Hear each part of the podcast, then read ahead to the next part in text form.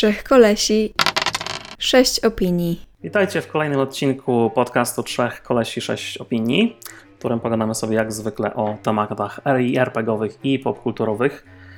Dzisiejszy odcinek to będzie porażka, bo o porażce w RPG sobie mm, pogadamy, jak ją odpowiednio w RPG e, zaprojektować, żeby była satysfakcjonująca, żeby nam nie wykolejała historii, żeby nie frustrowała gracza, jak coś im się nie udaje, jak porażkę zrobić dobrze.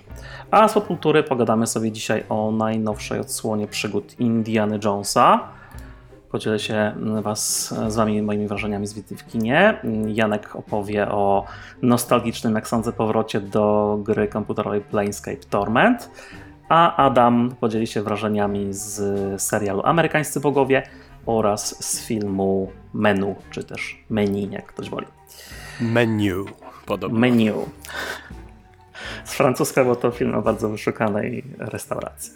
Oj, bardzo. No dobrze, to co? Zacznijmy sobie może od Indiana Jonesa. E, z tego co pamiętam, to tylko ja na razie miałem okazję zobaczyć nowe przygody Indiego jeszcze do tej pory, tak? Wy nie mieliście czasu albo ochoty. Jeszcze nie. I czy to się zmieni, to zależy od tego, co powiesz w dużej mierze. Dobra. Tak, ja też jeszcze nie, ale chcę pójść na pewno do kina. Okej. Okay. No dobra, to co? Ja miałem okazję zobaczyć. Y, dla mnie Indie to w ogóle kawał takiej nostalgii, bo to jeden z tych filmów, na których się wychowałem, więc pierwsze trzy części to naprawdę jeden z moich takich ulubionych tworów przygodowych. Zresztą w ostatnim odcinku też mówiłem, że ta konwencja poszukiwaczy skarbów to jest taka klisza, którą bardzo lubię. Także w przygody Indiego oczywiście wchodziłem bardzo sceptycznie, bo to jednak kolejny remake, a wszyscy chyba pamiętają, jak wyszła czwarta część. Y, no ale ja jednak z taką nadzieją, że to będzie przynajmniej fajna przygoda, dobrze zrealizowana. Także nowa część to jest y, dziecko Jamesa Mangolda, już nie Stevena Spielberga. James Mangold pewnie najbardziej znany z Logana, czyli reżyser, który no, zaliczył przynajmniej jeden powszechnie lubiany film i w dodatku najwyraźniej człowiek z smykałką do kręcenia filmów o starzejących się bohaterach, także to pewnie miało spore znaczenie przy wyborze go do, do reżyserii Nowych Przygód Indiany. I, więc tak, e, zabrakło mi w tym filmie tej przygody. Ona tam jest, ale ona jakaś taka jest nieekscytująca kompletnie. Strasznie jest płaska, bez wyrazu nie ma tych wszystkich e, jarających e, mnie scen z poprzednich filmów Indiana Jonesa. Są oczywiście pościgi, jest rzecz jasna e, zagubiony artefakt, który trzeba znaleźć, są a jakże naziści, których trzeba powstrzymać. Także wszystkie te części składowe w tym filmie są, ale mam wrażenie, że ten film jest zrobiony strasznie bez pasji, jakby zjechał z taśmek jakiejś komisji. Także przygoda, przygoda się zestarzała jak aktor. E, nie wiem, czy to jest kwestia zestarzającej się przygody, bo moim to zdaniem brzmi raczej jak dalej korporacja. działa, tylko nie została zrobiona w jakiś taki wciągający sposób. Także są oczywiście pościgi, biegają po pociągach, ścigają się samochodami, nurkują, y, są strzelaniny, wybuchy i tak dalej ale wszystko jest to takie strasznie generyczne, nie daje tej satysfakcji, nie ma tych popisów, e, które Harrison Ford dawał, kiedy był młodszy, chociaż muszę zaznaczyć, że Harrison Ford no, no daje radę w tym filmie, widać, że, że, że dalej ma ochotę grać Indiana Jonesa, jakichś wielkich popisów kaskaderskich oczywiście od niego oczekiwać nie można, ale no nie jest tylko starym, zgryźliwym e, archeologiem. Mimo wszystko wciąż czuć w nim ten zew przygody, także pod tym względem Harrison Ford się sprawdza. Raczej zabrakło tej e, Spielbergowskiej smykałki do robienia fajnej przygody. E, takie nie traktujące się trochę zbyt na poważnie, bo jednak w starym Indiana Jonesie dużo jest takich humorystycznych e, elementów. Tutaj czegoś takiego nie miałem.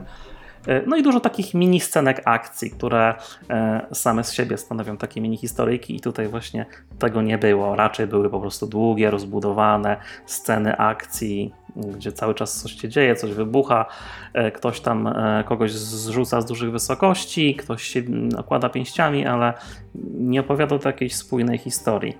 E, do tego nawet stopnia, że tych pościgów jest zwyczajnie za dużo. W grze są, w grze, w filmie są bodajże aż trzy pościgi, a to co najmniej dwa za dużo, a, a brak jakichś takich bardziej wciągających scenek. Także jako przygoda niespecjalnie się to sprawdza. Mam wrażenie, że Mangold lepiej sobie radzi jednak z bardziej poważnych filmów, takich jak Logan, a ta konwencja takiego lekkiego kina przygotowego gdzieś mu tam się nie udaje. A szkoda, bo jest w tym filmie trochę takich początków fajnych motywów, że aż mi się trochę uśmiech na twarzy pojawiał, jak się zaczynały. Problem w tym, że reżyser jakby od razu z tych motywów rezygnuje i, i nie ciągnie ich specjalnie dalej, tam gdzie Spielberg by zrobił z tego właśnie fajną, rozbudowaną scenkę żeby za bardzo nie spoilować, oddać jakiś przykład, na przykład od razu na samym początku filmu jest scena z nazistami, bo a żeby inaczej, e, w której Indiana przebrany w mundur e, nazisty e, rusza w pościg za, za odjeżdżającym pociągiem, więc wsiada do zaparkowanego gdzieś tam przed nazistowską bazą samochodu i już ma nim odjechać, kiedy z tyłu pakuje mu się do tego samochodu dwóch wysoko postawionych rangą nazistowskich oficerów, którzy kompletnie mają pojęcia, że Indy jest, jest po przeciwnej stronie stronie, jest ubrany w mundur e, Wehrmachtu, więc tak to po prostu jako kierowcę no każe mu gdzieś tam jechać. Więc motyw do zrobienia dość zabawnej sceny jest przedni. No ale nic z tej sceny nie wynika. Tak naprawdę Indy po prostu bardzo szybko wywala ich z tego auta i kontynuuje pościg. I, i w sumie zmarnowany wątek. I takich motywów jest w tym filmie dość dużo. Także trochę szkoda. Zabrakło mi tej lekkości, tego lekkiego poczucia humoru w tym wszystkim. E, natomiast stary Indiana jest fajny. Dodano mu trochę taki bardziej emocjonalny wątek. Harrison Ford ma nawet jedną całkiem fajnie zagraną, taką bardziej emocjonalną scenę. Y, dorzucono mu jako partnerkę ekranową e, postać jego chrześcinicy, y, bo syna oczywiście już nie ma, bo się nie sprawdził w poprzednim filmie, więc trzeba było go wypisać ze scenariusza. Y, I w sumie mają całkiem fajną dynamikę w tym filmie, to znaczy on stary, zgryźliwy, ale w sumie dalej archeolog, a ona młoda, cyniczna i goniąca za pieniędzmi. Więc na początku jest fajne tarcie między tymi postaciami, tylko znowu mam wrażenie, że, że jakby reżyser to wszystko gdzieś tam zarysował, a potem nie pociągnął tego tematu dalej i ta relacja gdzieś tam siada gdzieś w połowie filmu i nic, nic ciekawego, ciekawego niestety nie wynika. Jest też Max Mikkelsen jako główny antagonista, e, nazista, bo jak żeby inaczej. Całkiem niezły w tej roli, bo to dobry aktor, nie ma tam za dużo do grania, ale też antagoniści w przygodach Indiana Jonesa raczej nie słyną z specjalnej głębi. Ma być po prostu złolem i, i w tej roli całkiem fajnie się sprawdza. E, I to, czego mi zabrakło jeszcze, to jest tego tytułowego artefaktu przeznaczenia bo o ile w poprzednich filmach, a przynajmniej tych najfajniejszych, czyli Poszukiwaczach Zaginionej Arki e, Ostatniej Krucjacie, no jednak ten mm, McGuffin tytułowy, ten artefakt, za którym gonią bohaterowie, miał taką aurę tajemnicy. Tej Arki Przymierza, czy Świętego Graala i całej mitologii, która za tym wszystkim była. A ten artefakt z nowej części jest w sumie takim już pustym pretekstem do tego, żeby gonić za jakimś magicznym przedmiotem ale nie ma tej mistycznej aury e, towarzyszącej jego historii. Jego znalezienie nie jest jakieś specjalnie ekscytujące i tak w sumie jest przez cały film. Także dość płasko to wypada. Finał jak dla mnie jest z kolei tak odjechany, że chyba aż za bardzo. To na pewno jest bardziej ekscytujący niż większość filmu, ale. Jest jeszcze bardziej odjechany niż w poprzedniej części? Mm, nie aż tak ale jak dla mnie też przekracza takie już trochę granice y, przygody i, i skręca trochę w stronę absurdu. Natomiast wciąż jest to już taka czysta przygoda, więc można się na tym przynajmniej dobrze bawić. Na poprzedniej części na końcówce myślałem, Kosmici. że. Nie, nie, myślałem, że przespałem po prostu w którymś momencie, że przysnąłem i obudziłem się na innym filmie, nie? Yy, tak, Królestwo Kosztowej Czaszki straszliwie siada mniej więcej od połowy. Pierwsza połowa tego filmu moim zdaniem jest całkiem, całkiem, yy, a, a faktycznie Czyli tutaj tak źle nie będzie słaby. z tą końcówką? Tu jest odwrotnie, końcówka jest przynajmniej przygodowa, chociaż no jak dla mnie jednak trochę zbyt odjeżdża od tego klimatu może nierealistycznego, ale takiego jednak yy, mniej kosmicznego, chociaż w tej części kosmitów nie ma na szczęście. Yy, natomiast pierwsza połowa filmu jest jest moim zdaniem dość nijaka. To nie jest zły film, y, ale też nie jest to film, który bym jakoś szczególnie polecał. Można w wolnej chwili obejrzeć. E, Pewnie nie będziecie się na nim jakoś strasznie nudzić, ale też nie jest to zapowiadana ekscytująca powrót, ekscytujący powrót do przygód Indiego. Być może dlatego, że Indy też już się zestarzał, a e, chciano dać mu jakieś wątki do grania, więc siłą rzeczy te sceny przygodowe są jakieś takie zachowawcze. A warto na niego iść do kina? To jest istotne, bo niektóre A, filmy lepiej mówisz działają w kinie po prostu. rozmachu tutaj, epickości, tak? Niekoniecznie o rozmachu, ale niektóre filmy po prostu lepiej się ogląda w kinie. Tak, taka jest moja E, opinia. Wiesz co, ciężko mi powiedzieć. Chyba jednak nie. Jest oczywiście całkiem zgrabnie nakręcony, budżet widać. Niektóre pomysły na sceny są całkiem fajne, ale chyba nie jest to aż takie wgniatające w fotel, e, żebym koniecznie rekomendował wielki ekran. Okej, a tak Na pewno nie nawiasem dla mówiąc, tych kilku fajnych ujęć. Tak nawiasem mówiąc, podczas twojej wypowiedzi zacząłem liczyć pościgi w, w trzeciej części, doliczyłem się już czterech, więc to nie, te trzy to nie będzie rekord. E, Myślę, że różnica jest taka, że w Nowym Indianie to są wszystkie pościgi ulicami, a chociażby w ostatniej krucjacie masz pościg na łódkach, pościg na No czołgu, więc e, to tak naprawdę za każdym razem jest zupełnie inna scena akcji. Pierwszy jest na pociągu. wyzwaniami. Tak, No, także każdy jest inaczej zrealizowany, a w tej części to jest jednak ściganie się ulicami, tylko że raz to jest Nowy Jork, raz to jest bodajże Tangier, e, także niczym się to specjalnie nie różni, poza tym, że raz to jest auta, a drugim razem tuk-tuk, ale no Okej, brak w tym no. wszystkim jakiegoś polotu. Okej, teraz to A rozumiem. przynajmniej Bo... mnie się to nużyło, miałem raczej ochotę na bardziej jakąś pomysłową akcję niż kolejny raz ściganie się e, jednych za drugimi. Bo trochę ten film tak jest zrobiony. To jest taki dwójpółgodzinny pościg, tylko że raz bohaterowie antagonista, raz antagonista bohaterów y, i w sumie tak jest aż do samego końca. Film jest też moim zdaniem zdecydowanie za długi. Jakby go skrócić o co najmniej 45 minut, to pewnie wyszłoby mu to na dobre, bo trwa chyba Przypomina mi to 2,5 taką godziny. starą grę, e, starą grę o e, Ameryce, e, tej z wojny secesyjnej, z czasów wojny secesyjnej, gdzie Jankesi biegali za tymi drugimi po pociągu i odwrotnie. Była gra North and South, North and pamiętam South, ją, tak. tak. Jeszcze na Amidze chyba w to grałem. Tak, zgadza się. Tak, ale coś nie takiego było ekscytującego i faktycznie był pociąg, z którego się chyba kradły jakieś worki z pieniędzmi. Tak, ale właśnie gra, gra kojarzy mi się głównie z tymi pościgami. Nie, jakby pocinki na, e, pościgi po pociągach mają swój urok, e, także to samo w sobie nie jest wadą. Raczej kwestia jest to, że Mangold niespecjalnie ma smykałkę do robienia kina przygodowego. Raczej lepiej sobie radzi w tej bardziej poważnej konwencji a la Logan. No dobrze, słuchajcie, to co? Przejdźmy sobie może do RPG-ków. Dzisiaj chciałem sobie z Wami podebatować o tym, jaką rolę na sesji w ogóle odgrywa porażka i po co nam ona jest, a może i tam być nie powinno, a a jak powinno być, to kiedy. Tu od razu może na wstępnie zaznaczę, że niespecjalnie będziemy dzisiaj rozmawiać o tym, jak mechanicznie różne systemy rozgrywają porażkę, czyli od jakiegoś tam poziomu trudności, czy wyniku na kości nam się coś udaje, kiedy nie i co to znaczy, że nam się nie udało. Bardziej chciałbym dzisiaj z Wami pogadać ogólnie o tym, po co jest porażka na sesji tak szerzej, czyli jaką ona odgrywa rolę w prowadzeniu historii, w jakich momentach tej historii to może być korzystne, a w jakiej nie, dlaczego porażka może graczy zwyczajnie frustrować, jak ją źle zrobimy, a kiedy może być wręcz fajnie zrobiona i satysfakcjonująca. To co, zacznijmy sobie może od tego, po co nam w ogóle porażka yy, fabularnie tak jest potrzebna na sesji. Ja mam tutaj kilka swoich pomysłów. Po pierwsze, to jak nie ma możliwości porażki na sesji, to nie ma żadnej stawki, a jak nie ma stawki, to nie ma napięcia i sceny są takie płaskie i na pewno nas nie ekscytują. Jak nie musimy się liczyć z tym, że jak gracze czegoś nie wymyślą, nie rozwiążą problemu, nie przezwyciężą wyzwania, no to będą jakieś konsekwencje. To ich napędza i dodaje im motywacji. Jak wy to widzicie, faktycznie jest tak, że bez tego widma porażki sceny nie są dla was ekscytujące? Czy może i tak wiecie, że w większości przypadków wam się uda, niż gry przymknie oko i jakoś to będzie? Wiesz co, ja myślę... Hmm.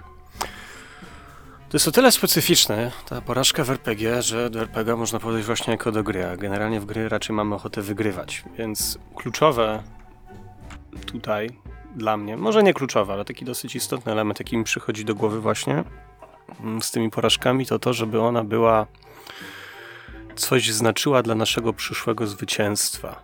mm, że fabularnie to być może jest porażka, ale to niekoniecznie oznacza, że my zawiedliśmy jako gracz. O, myślę, że ważne jest, żeby, rozdzielić, żeby rozdzielać te dwa elementy, bo to wtedy zupełnie inny jest odbiór tej porażki. Tak? To jest pierwsza rzecz, która mi, mi przychodzi do głowy, bo stawka, e, no oczywiście, ona jakby buduje, buduje, buduje stawkę, ale z drugiej strony mm, kurde, jakby tu No właśnie, to, to nie jest trochę tak, że wystarczy nam to widmo porażki, żeby graczy motywować i ekscytować jakąś sceną akcji? Czy wystarczy, żeby się bali tej porażki, ale ona nigdy nie musi następować? Czy może jednak od czasu do, czego, od czasu, do czasu ta porażka musi być, bo, bo tak zrobimy scenę, albo gracze zawalą koncertowo, albo po prostu na kościach nam nie, Nie no, wyjdzie nie zdecydowanie uda. musi być, zdecydowanie musi być ta porażka, dlatego że w przeciwnym wypadku prowadzący nie będzie brany na serio i może nawet nie tyle prowadzący, co raczej postacie czy kreacje, które ten e, prowadzący tworzy, nie będą brane na serio. Jeżeli jakiś antagonista, główny antagonista powie, że zrobi nam krzywdę, jeżeli zrobimy coś, powiedzmy, zbliżymy się do jego domu i potem nic nie będzie miało, nie będzie miało to żadnego realnego skutku wpływu, to, że potem się tam zbliżyliśmy i że było nas słychać, bo powiedzmy nie udał nam się test na skradanie, no to, no to zdecydowanie to jest istotna, e, ist, istotny element. Okej, czyli dla Musi- Ciebie gracz porażka musi to jest takie zapowiedzenie konsekwencji i ich egzekwowanie, jak gracze faktycznie sobie na nie zasłużą. Czyli właśnie konsekwentność w budowaniu świata, że są w nim pewne ramy i ich przekraczanie wiąże się co najmniej z jakimś ryzykiem, a jak wrócimy w tą mechanikę, to czasami nawet pewnością porażki, tak? Tak, ale przy tym, tak jak Adam powiedział, myślę, że bardzo łatwo jest zatracić gdzieś granicę pomiędzy porażką postaci a po- porażką gracza, dlatego że no jednak nierozerwalnie to my podejmujemy decyzje o naszych postaciach i o tym, co one robią. E, To my podejmujemy akcje pewnego rodzaju i myślę, że bardzo łatwo jest się w tym zatracić. Nawet ja y, łapię się często na tym jako gracz, że coś mi się nie udało i, i odczuwam jakąś taką wewnętrzną, nie, niezadowolenie, że coś nie wyszło, ale potem sobie uświadamiam, że, to, że w sumie to niezadowolenie bardziej wynika z tego, że się wczuwam w tą postać, a nie z tego, że jestem po prostu zły na siebie jako gracz, nie? Mhm, jasne. E, Czyli porażki potrafią nas frustrować jako graczy, tak? A kiedy was frustrują porażki? Kiedy, to zakładam, że to jest złe użycie porażki, kiedy frustrują gracza zamiast sprawiać mu e, satysfakcję w jakiś sposób. Jak to was wygląda? Kiedy jakieś e, sceny porażek na sesji was po prostu zdenerwowało, pozirytowały? Czy Wiesz co, dla mnie taką najbardziej, to, to też jest lekcja życia powiedzmy, ale Mhm. najbardziej Czyli irytującą dla porażka mnie jako porażką... narzędzie do nauki graczy, tak? Niech się Dla- uczą. Dla mnie zawsze najbardziej irytujące porażki są wtedy, kiedy wiesz, że wszystko zrobiłeś dobrze i tak ci się nie udało. Ja wiem, że tak działa Tak. życie, ale to, Mhm. to jest bardzo... Ale Prosty przykład. RPG to też opowieść, nie? A prosty przykład, nie bezpośrednio z RPGów, ale bardzo blisko, z Disco Elysium na przykład. E, tam się, RPGów. no tak, tylko tych takich powiedzmy dla jednoosobowych e, z komputerem. E, tam bardzo, e, tam była taka mechanika, która jak tam, jak wyrzuciłeś dwie jedynki, to zawsze ci się nie udawało, nie? E, I nawet jeżeli się idealnie przy, przygotowałeś do wszystkiego, to było to minimalne ryzyko, że ci się nie uda.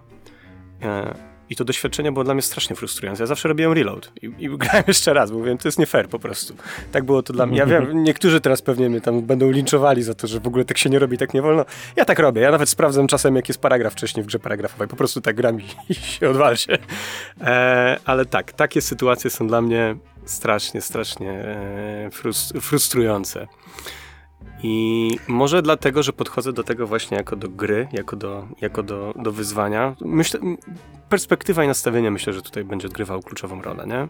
Bo A to nie jest gracz- właśnie tak, że jak mechanika zakłada, że jak wyrzucisz dwie jedynki i to ma ci się nie udać, no jak gramy mechanicznie, no to wszyscy to akceptujemy? Mm, Czy mimo No. wszystko jakby niesmak pozostaje? Bo to ostatecznie nie twoja wina, że wyrzuciłeś dwie jedynki. Bo to los. Tak, znaczy jak grałem sam właśnie w to Disco Elysium, to inaczej do tego podchodziłem, bo jak gram w grupie, to mi absolutnie porażka nie przeszkadza, bo wtedy mm, właśnie ciekawe z czego to wynika, jak tak teraz o tym myślę. E, Jest kwestii chęcia po prostu zobaczenia, jaki jest efekt sukcesu, bo efekt porażki wydaje się nudny, Chociaż to akurat jest bardzo ciekawe, bo ja uważam, że Disco Elysium porażki są zrobione świetnie i niejednokrotnie są bardziej interesujące niż sukcesy. Tak, Dlatego ja tak, to prawda. problemu, ale to, w większości gier porażka po prostu powoduje, że kawałek historii ci przepada, także w takich to sytuacjach prawda. ja I wiesz co, jak teraz to powiedziałeś, to w, te sytuacje, kiedy na przykład y, mm, porażka w Disco Elysium nic nie wnosiła, bo było takich parę sytuacji, że po prostu nie udało ci się wyłamać tych drzwi, albo nie udało ci się tam jakieś maszyny uruchomić, czy coś takiego, to to były te, które ładowałem ponownie, bo jeżeli był, porażka była po prostu innym efektem, który w bardzo ciekawy sposób popchał historię do przodu, no to wtedy nie, no to wtedy mi to faktycznie nie przeszkadzało, więc może powinienem to, powinienem był to w ten sposób uściślić. Wtedy to jest frustrujące, kiedy przygotowałeś się, a cały czas stoisz w martwym, e, w martwym punkcie. To jest bardzo, bardzo irytujące, bo czujesz, że no jakby co dalej, co dalej. Nie? Jakby to był mój najlepszy pomysł. On się nie sprawdził, to po co próbować drugi najlepszy, skoro ten najlepszy się nie zadziałał, nie? Tak, Ja mam jeszcze inne podejście i spojrzenie na porażkę. Ja myślę, że porażka też jest bardzo często takim motorem napędowym do bardzo ciekawych scen. I jako przykład podam to, że jest taki jeden gracz, którego prawdopodobnie wszyscy tutaj znamy, który kilka, kilkukrotnie prosił mnie o to, żeby jakiś test się nie udał. Nawet nie tylko mnie, Bartka też prosił. Słuchaj, chciałbym, żeby ten test się po prostu nie powiódł. I on z tego czerpie radość i satysfakcję, że coś mu nie wychodzi, bo on chce, żeby ta scena była ciekawa. Ciekawa dla zresztą niego, ciekawa wiem, dla reszty pamiętasz, na naszej stole. ostatniej sesji też cię prosiłem o porażkę i nawet zapisałem sobie ten punkcik w notatkach na dzisiejszą dyskusję. Tak, Tak, tak, niektórzy tak, tak, gracze tak. lubią specjalnie failować. Czyli zakładam, że jak was gracz poprosi o to, żeby mu się nie udało, to spełniacie jego prośbę, tak? No, ja myślę, że ja bym, ja też myślę, ja spełniam tą prośbę, bo to, Ja też, absolutnie. no nie, nie wiem, co tu więcej powiedzieć po prostu, bo to jest z jednej strony trochę komiczne i dziwne, ale niektórzy lubią, jak im się nie udaje, nie? E, Myślę, że właśnie odruchowa reakcja mistrza gry jest, dlaczego on chce, żeby mu się nie udało. Mało mu jest porażek, które wychodzą nie z jego winy i jeszcze chce sobie utrudnić. No ale właśnie to jest kwestia tego zaufania do graczy, jak dla mnie, że oni mają jakiś fajny pomysł na pogłębienie tej postaci i ta porażka jest im do tego potrzebna, że oni nie chcą Mhm. być e, w danym momencie silni, chcą być słabi. I to też moim zdaniem jest jedno z właśnie bardzo skutecznych narzędzi fabularnych. E, Tak.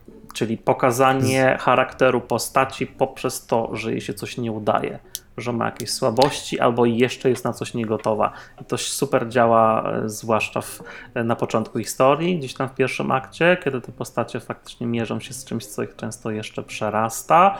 Może to być nawet jakiś zakończony porażką konflikt z antagonistą, który im po prostu złoi dubska i gracze będą widzieli, że jak się odpowiednio nie przygotują, no to nie dadzą mu rady. Także to się moim zdaniem świetnie sprawdza jako właśnie motor. Mówiłeś na fabularny. początku, że nie będziemy mówili o mechanikach, ale muszę wspomnieć o tej Mhm. mechanice, No o mechanice z, Freeform Universal, czyli te sławetne Tak, ale nie tak i, i tak dalej. Mhm. tak i nie ale i tak dalej. No i właśnie chciałbym tutaj się skupić na tym nie. Nie ale, nie i, bo to mechanika, która bardzo wspiera właśnie te porażki.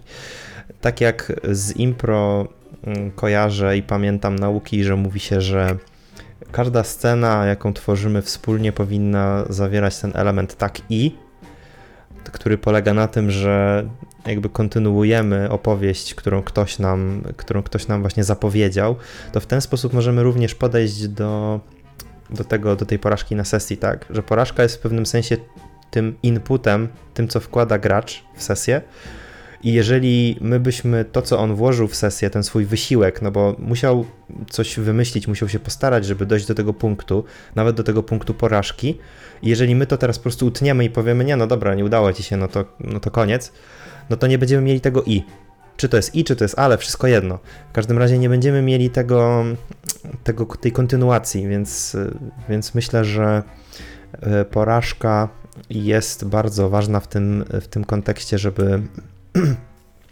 Nie karać gracza za to, że w ogóle coś chce robić na sesji. Tak, Tak, ja się absolutnie Tak. z tym zgadzam. Jakby miałem jeszcze wymieniać, kiedy mnie porażka frustruje, to jest po pierwsze właśnie, tak jak powiedziałeś, kiedy ja się staram, wymyślam jakiś pomysł, moim zdaniem fajny, przynajmniej lepszego na momencie nie mam, wczuwam się w postać, coś tam fajnie odgrywam, no a potem rzucam kostką i wychodzi jedynka i w sumie po nic to wszystko, nie? Mm. Najgorzej to w ogóle wypada, jak gramy postacią, która jest bardzo w czymś kompetentna. Tak sobie stworzyliśmy, żeby mieć prawdę z tego, że w czymś jest naprawdę wybitnym specem i też nam nie wychodzi ten rzut. I nagle się okazuje, że nie jesteśmy wybitnym specem, bo my zgrynamy odegra, że się pośliznęliśmy i miecz nam wypadł, chociaż jesteśmy mega szermierzem. Także takiego przynajmniej interpretacji porażki też bardzo nie lubię. Ja zawsze staram się raczej w takich przypadkach pokazywać, że porażka nie wynika z tego, że gracz jest leszczem, tylko że ktoś jest od niego lepszy, albo okoliczności są jakieś dla niego wyjątkowo niekorzystne yy, i nie potrafi sobie siebie w nich odnaleźć, może jakiś przypadek, yy, a nie, że on jest jakimś łamagą, bo akurat jedynka mu wypadła, więc kompromitujesz go w tej scenie. Też bardzo tego nie lubię. No i tak jak wszyscy już powiedzieliście, porażka jak wyhamowuje fabułę, bo mówimy nie i koniec, no to nic się nie zmieniło w naszej historii, sto- pociąg staje i, i w sumie co dalej? I od razu się pojawiają pytania, a to mogę jeszcze raz spróbować to samo? No jak się zgodzisz, no to w sumie od razu mogłeś się zgodzić, bo za którymś razem wyjdzie, także nic z tego ostatecznie nie wynika. To bycie leszczem to mi się wydaje, że jest trochę mm, przyczyną tego może być to, jak były kiedyś pisane podręczniki, bo bardzo mało tam było właśnie o porażce. Bardzo mało wpisów, przynajmniej Moim kojarzę z Warhammera dalej drugiej edycji. bardzo mało jest o porażce w podręcznikach, ale na pewno lepiej niż kiedyś. No tak, tak. Tylko, tylko, że wiesz, no to właśnie mamy te nasze podstawy bardzo często leżą właśnie w tych starszych edycjach, nie?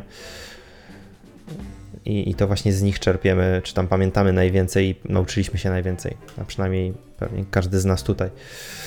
No dobra, to mamy już frustrujące porażki i kiedy ich pewnie warto unikać. A kiedy jeszcze waszym zdaniem porażki dobrze działają? Adam, masz jeszcze jakieś patenty na fajne porażki na Znaczy- sesji?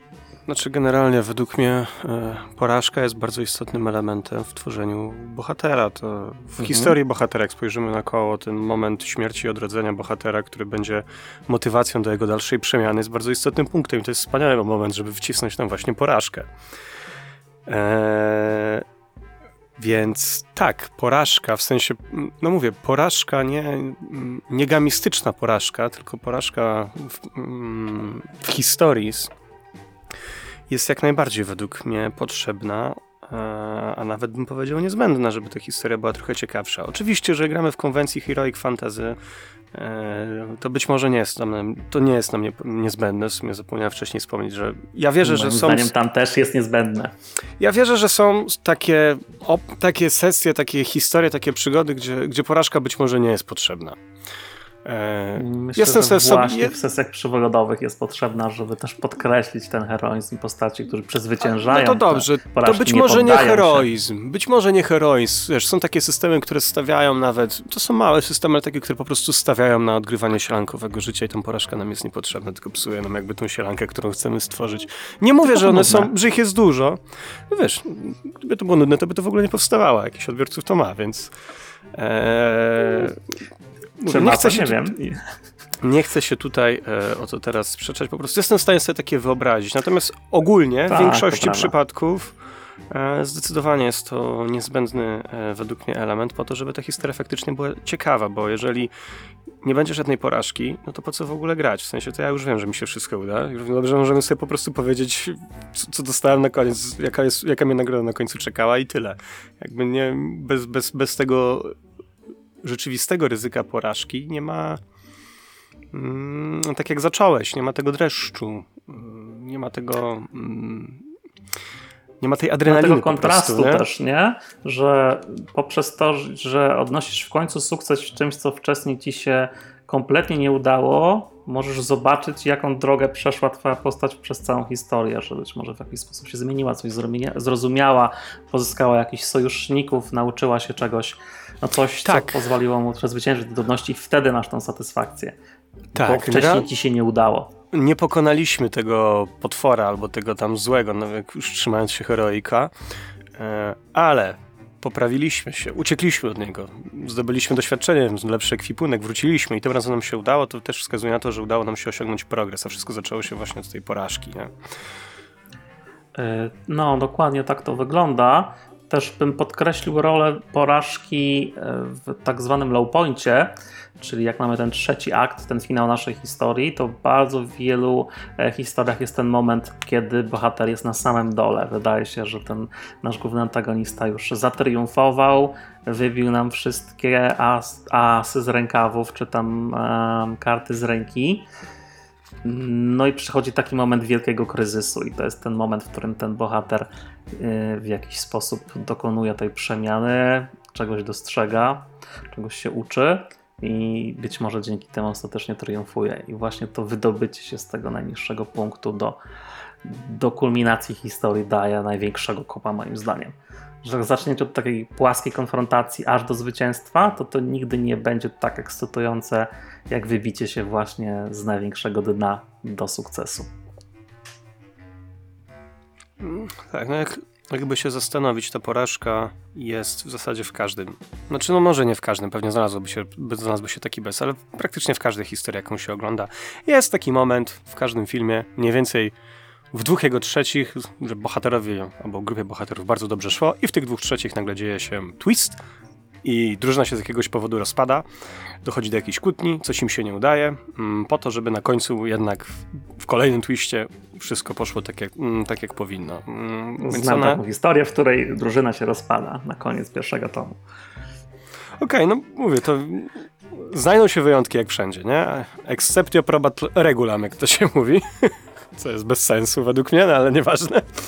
Natomiast w zdecydowanej większości te porażki są. Mm, myślę, że problematyczność ich w RPGach jest to właśnie nasze takie bardzo osobiste podejście do, e, do nich i branie ich na twarz, a nie jako bierny obserwator z boku.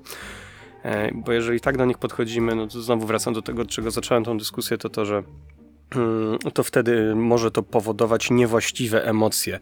Myślę, że warto to sobie e, przegadać po prostu w drużynie, żeby wiedzieć i rozumieć e, o co to gramy, bo, e, bo później właśnie dochodzi do takich sytuacji, jak, e, jak wspominaliście, że gracze będą sami prosili o te porażki, bo nie myślą o nich jako o ich własnych porażkach, tylko po prostu jako o ciekawy twist w historii, który można tak. ciekawie pociągnąć. Nie?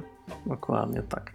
Ja też bym podkreślił jedną rzecz, że w sumie to dwie rzeczy. Nawiązując do tego, co powiedziałeś najpierw, ja bardzo lubię i jako gracz, i jako mistrz gry te sceny po porażce, kiedy gracze w jakiś sposób to przeżywają, być może się obwiniają, e, w jakiś sposób e, no, wyrażają swoje emocje na temat tej porażki. Dla mnie to jest satysfakcjonujące ale też warto, żeby w takich momentach od razu dawać graczom też jakiś kolejny punkt podparcia, żeby to ich nie zdemotywowało, tylko okazać, ok, nie udało się, teraz no, tutaj macie kolejny jakiś punkt fabularny, kolejny trop, kolejne narzędzie, żeby coś zrobić. Może to się uda, nie wiem, e, bo zasialiście już ziarno wątpliwości, ale to nie wyhamowuje historii. To daje graczom trochę nadziei, ok, mam, nie wyczerpaliśmy jeszcze wszystkich opcji, możemy ruszać teraz w tamtą stronę.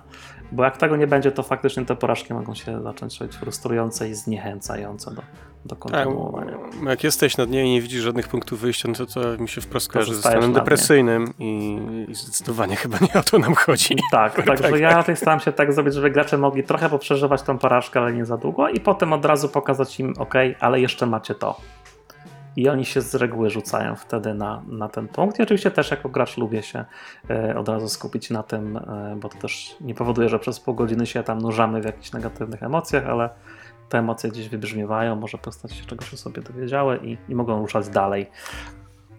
Tak, właśnie pod tym względem chciałem powiedzieć, że to jest bardzo fajna rzecz, bo y, łatwo jest wygrywać, Łatwo jest ładnie, ciężko jest ładnie wygrywać, ale generalnie łatwo jest przyjmować zwycięstwa, porażki dużo trudniej i to jest fajny moment definiujący postać, jak ona sobie I relacje poradzi, między nie? postaciami w drużynie tak. bardzo często. To wtedy Albo właśnie można dużo, dużo, dużo fajnych rzeczy tam za, zainkorporować, tylko mówię znów, gracze muszą mieć na świadomość, w jakim celu to robimy, nie? I... Dokładnie tak. No porażka też w ciekawy sposób ogólnie podkreśla całą rozgrywkę, nie? Bo jeżeli będzie to jakaś bardzo istotna porażka w kontekście, w ujęciu całej fabuły, całej, całej historii, którą prowadzimy, to no, będzie ona prawdopodobnie zapamiętana na długo przez wszystkich, nie? Tak, trochę nie poruszyliśmy tematu konsekwencji, czyli e, wydaje mi się, że jak porażka ma mieć znaczenie i nie być po prostu stoperem dla fabuły, to niech ma konsekwencje takie nieodwracalne. Nie? Gracze ją zapamiętają, że zawiedli i w związku z tym coś się wydarzyło. Już tego nie zmienią. E, być może ostatecznie coś poprawią, ale to już na pewno nie będzie to samo co wcześniej, bo wtedy porażki faktycznie są zapamiętywane przez graczy. Zresztą to jest też lekcja ogólnie do tworzenia historii, bo i w książkach, i w filmach często mam problemy z tym, że porażki bohaterów często nie mają znaczenia i przez to niespecjalnie ani ja odczuwam napięcie, zastanawiając się, czy graczowi się powiedzie, ani specjalnie się nie przejmuję tym, że mu się nie udało, bo nic z tego w sumie nie wynika. A są takie historie, w których gracze koncertowo coś zawalają, albo ogólnie postacie y, w jakichś historiach. No ja zapamiętuję te porażki. No dobra, słuchajcie, żeby trochę odbić na chwilę od y, porażkowania. Y, Adam, oglądałeś ostatnio menu? Co tam w menu? E, Dobre tak. rzeczy dali, czy porażka? Bardzo, bardzo niedawno, bo dzisiaj obejrzałem menu. Trochę po to, żeby mieć o czym więcej pogadać właśnie teraz. Świeże E, danie. Bardzo na świeżo jestem wobec tego, ale już mam kilka przemyśleń, całkiem nawet sporo. Może po pierwsze, tak ogólnie, gdzie i gdzie to można obejrzeć. Obecnie na pewno można obejrzeć to na Disney Plus. E, I z tego co widzę, jest też dostępny do wypożyczenia tam na jakichś paru innych platformach, ale na Disney Plus po prostu macie to w ramach abonamentu. I czym jest menu? To w zeszłym roku, mm, zeszłoroczny film, pod koniec zeszłego roku wyszedł. E, Jest to. No taka, e, no czarna komedia chyba najlepiej od, oddaje jego, e, jego charakter z elementami thrilleru, bym powiedział, bo raczej nie horroru. E, o czym to jest? Słuchajcie, no mamy dwójkę bohaterów przedstawionych jako prawdopodobnych głównych, dwoje, dwie młode osoby, Tyler oraz Margot, gdzie Tylera gra Nicholas Holt, a Margot Ania Taylor-Joy, jadą na wyspę mm, towarzystwie innych osób, jest ich łącznie dwa, 12. Jadą tam, bo tam znajduje się restauracja. Restauracja, którą zarządza szef kuchni Slowik. Mm, Znajome brzmiące nazwisko. E, No i to ma być takie duże wydarzenie, to będzie taki extreme fine dining, że tak powiem, czyli kuchnia niezwykle wręcz wykwintna. Będzie ich tam tylko 12, jest to bardzo, bardzo drogie doświadczenie. Ten, e, ten, ten Tyler jest bardzo, bardzo, bardzo w to krę- wkręcony, a Margot tak naprawdę jest zastępstwem, ponieważ Tylera nieba, niedawno bo jakoś rzuciła dziewczyna, która tam pierwotnie miała z nim jechać. No i bardzo szybko, bo już po chyba przy trzecim daniu okazuje się, że nie do końca jest to zwykły posiłek, dzia- zaczynają się dziać dziwne rzeczy, nie w sensie paranormalnym, ale tam ludzie zostają krzywdzeni przez e, tego szefa kuchni i obsługę. No i pojawiają się te właśnie elementy związane z horrorem. Wszystko wskazuje na to, że ta, ten wspólny posiłek, ta kolacja nie będzie miała szczęśliwego finału. E, I tyle nie chcę więcej e, opowiadać na temat samej fabuły, ponieważ ona trochę, mm, tak jak nie wiem, tak jak na przykład, może to nie będzie lepsze porównanie, tak jak Piła jedyne co ma do zaoferowania to kolejne pomysły właśnie, więc jakby ktoś wam opowiedział te kolejne pomysły na uśmiercanie bohaterów, to, to po co? Po co oglądać Piłę? Tak samo tutaj e, te kolejne dania są dosyć istotnym elementem w, tej, e, w tym filmie, więc nie chcę tego, nie chcę tego zdradzać. E, I teraz tak. E, jeszcze nie powiedziałem, że ten, mm, tego, tego szefa kuchni gra Ralph, e, Ralph Fiennes, znany z, przede wszystkim chyba z roli Voldemorta obecnie. I pasuje. Riff E, Fiennes. Mhm. E, i, i, i, i, i, tak.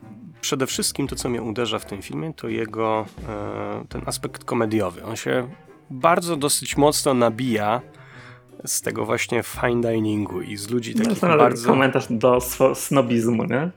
Tak, do snobizmu, ale to bardzo łatwo też prze, przetłumaczyć na, e, przełożyć sobie na, na kino po prostu, więc to jest taki trochę, to jest też, no to nie, nie atakuje według mnie bezpośrednio mm, tych kulinariów, które ostatnio bardzo, w ostatnich latach, tam parunastu powiedzmy, bardzo mocno zyskały na popularności, ale też trochę bezpośrednio cały, cały Hollywood i cały ten przemysł.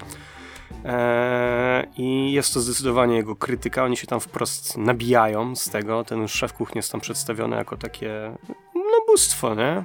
E, A, A zarówno jego klienci, jak i obsługa to są wyznawcy, a ta mm, bohaterka grana przez Anię Taylor-Joy, czyli ta Margot, kojarzyła mi się trochę z taką postacią wręcz wy, wyjętą z kawki, gdzie dookoła dzieją się jakieś absolutne dziwactwo, ona tam jest jedyna normalna i zachowuje trochę zdrowego rozsądku na, na, całą, tą, na całą tą sytuację. E, I prawdopodobnie dzięki temu jakby ten, ten aspekt komediowy jest e, bardziej po prostu podkreślony, bo, bo my jesteśmy trochę jak ona i patrzymy, że ludzie, czym wy się jaracie? Bez przesady. Mm. I to z jednej strony jest bardzo fajne, z drugiej strony mam wrażenie, że ten film momentami wpada w taki trochę wieszczy tryb mm, i trochę przez to traci, ale taki trochę zbyt może, o, może, może nie wieszczy, może taki po prostu zbyt moralizatorski, a to ostatecznie jest e, takie kino, które nie wiem, czy aspirowało na wysokie kino, właśnie to wygląda trochę jak taki, ogląda się to trochę jak takie proste kino, które nie była jednak satyra, w związku z tym no, niechcący może w takie coś musi wyszło. krytykować nasze zachowania społeczne.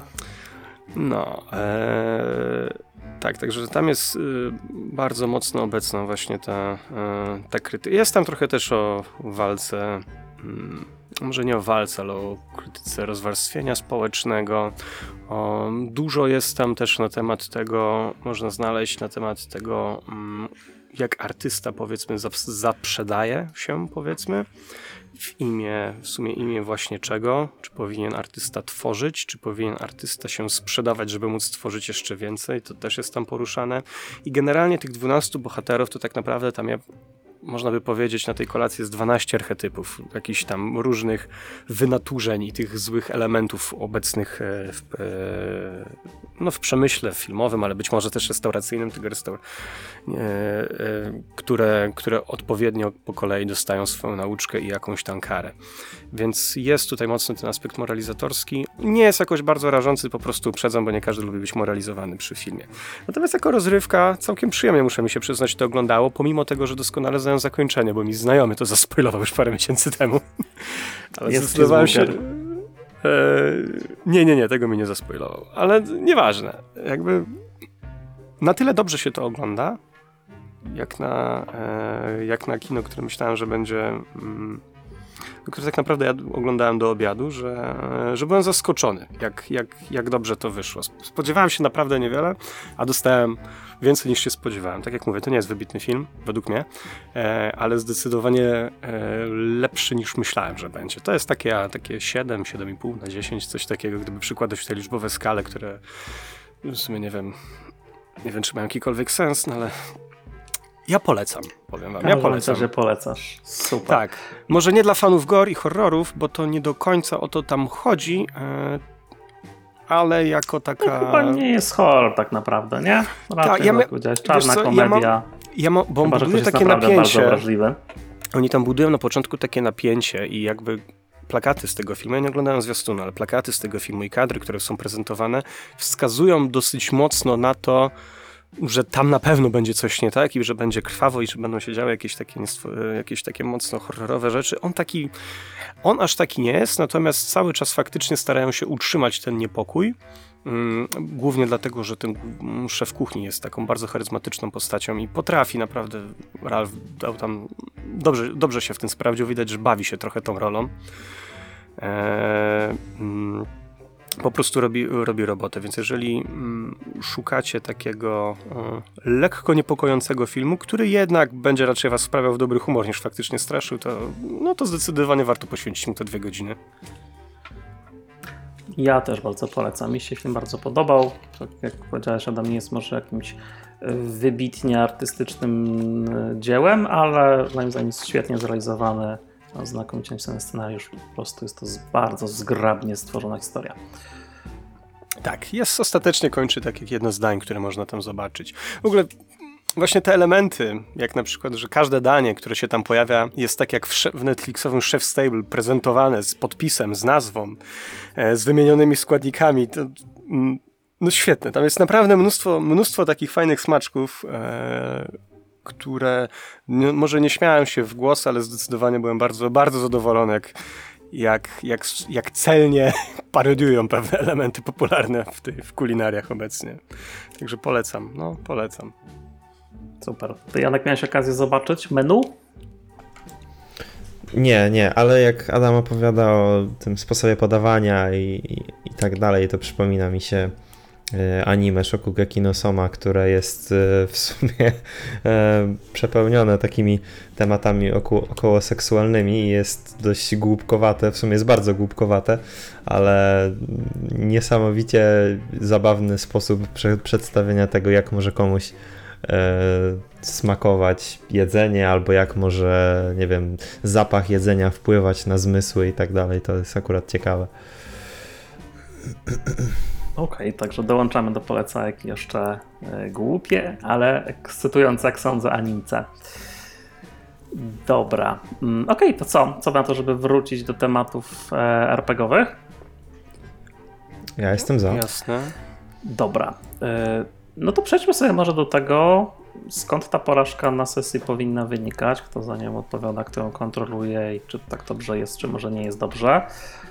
Kto waszym zdaniem powinien decydować o tym, czy coś się udaje, czy nie? Czy to powinna być konsekwencja decyzji, które gracze podejmują? Czy mechanika powinna o tym decydować? Czy mistrz gry arbitralnie, ale może dlatego, że wyczuł jakiś odpowiedni moment w historii, że może tu porażkę trzeba wcisnąć i co by gracze nie zrobili, to i tak się nie uda, bo powinno im się nie udać z jakiegoś powodu? Jak myślicie, że to powinno działać? Może wszystkie trzy, ale w jakichś konkretnych proporcjach albo sytuacjach? Jak to się Janek działa? U mnie najczęściej działa tak, że mechanika po prostu pokazuje mi, że w pewnym momencie no, coś się nie uda, albo nie udaje, albo że jest jakaś komplikacja. I raczej o tym wyniku tej komplikacji decyduję ja, czyli zastanawiam się, myślę o tym, jaki to może mieć związek z fabułą, jaki może to mieć związek z innymi postaciami, jaki to może mieć związek z postaciami, które są blisko e, postaci graczy, albo Albo czasem zdarza się, że po prostu pytam graczy, jak myślicie, co tutaj może się wydarzyć? I Mhm. słucham wtedy sugestii, dlatego że jestem zdania, że co dwie głowy to nie jedna i gracze często wymyślają dużo lepsze historie niż my. Okej, ale to e, komplikacja to jednak trochę nie do końca porażka, musisz przyznać. W sensie komplikacja nie kończy ci sceny, tylko ją komplikuje, a, a porażka e, raczej definiuje, że graczom się jednak coś, przynajmniej w tej scenie, nie powiodło. I co wtedy, jak im się nie powodzi? To dobrze, źle, ciekawie dalej, czy niespecjalnie?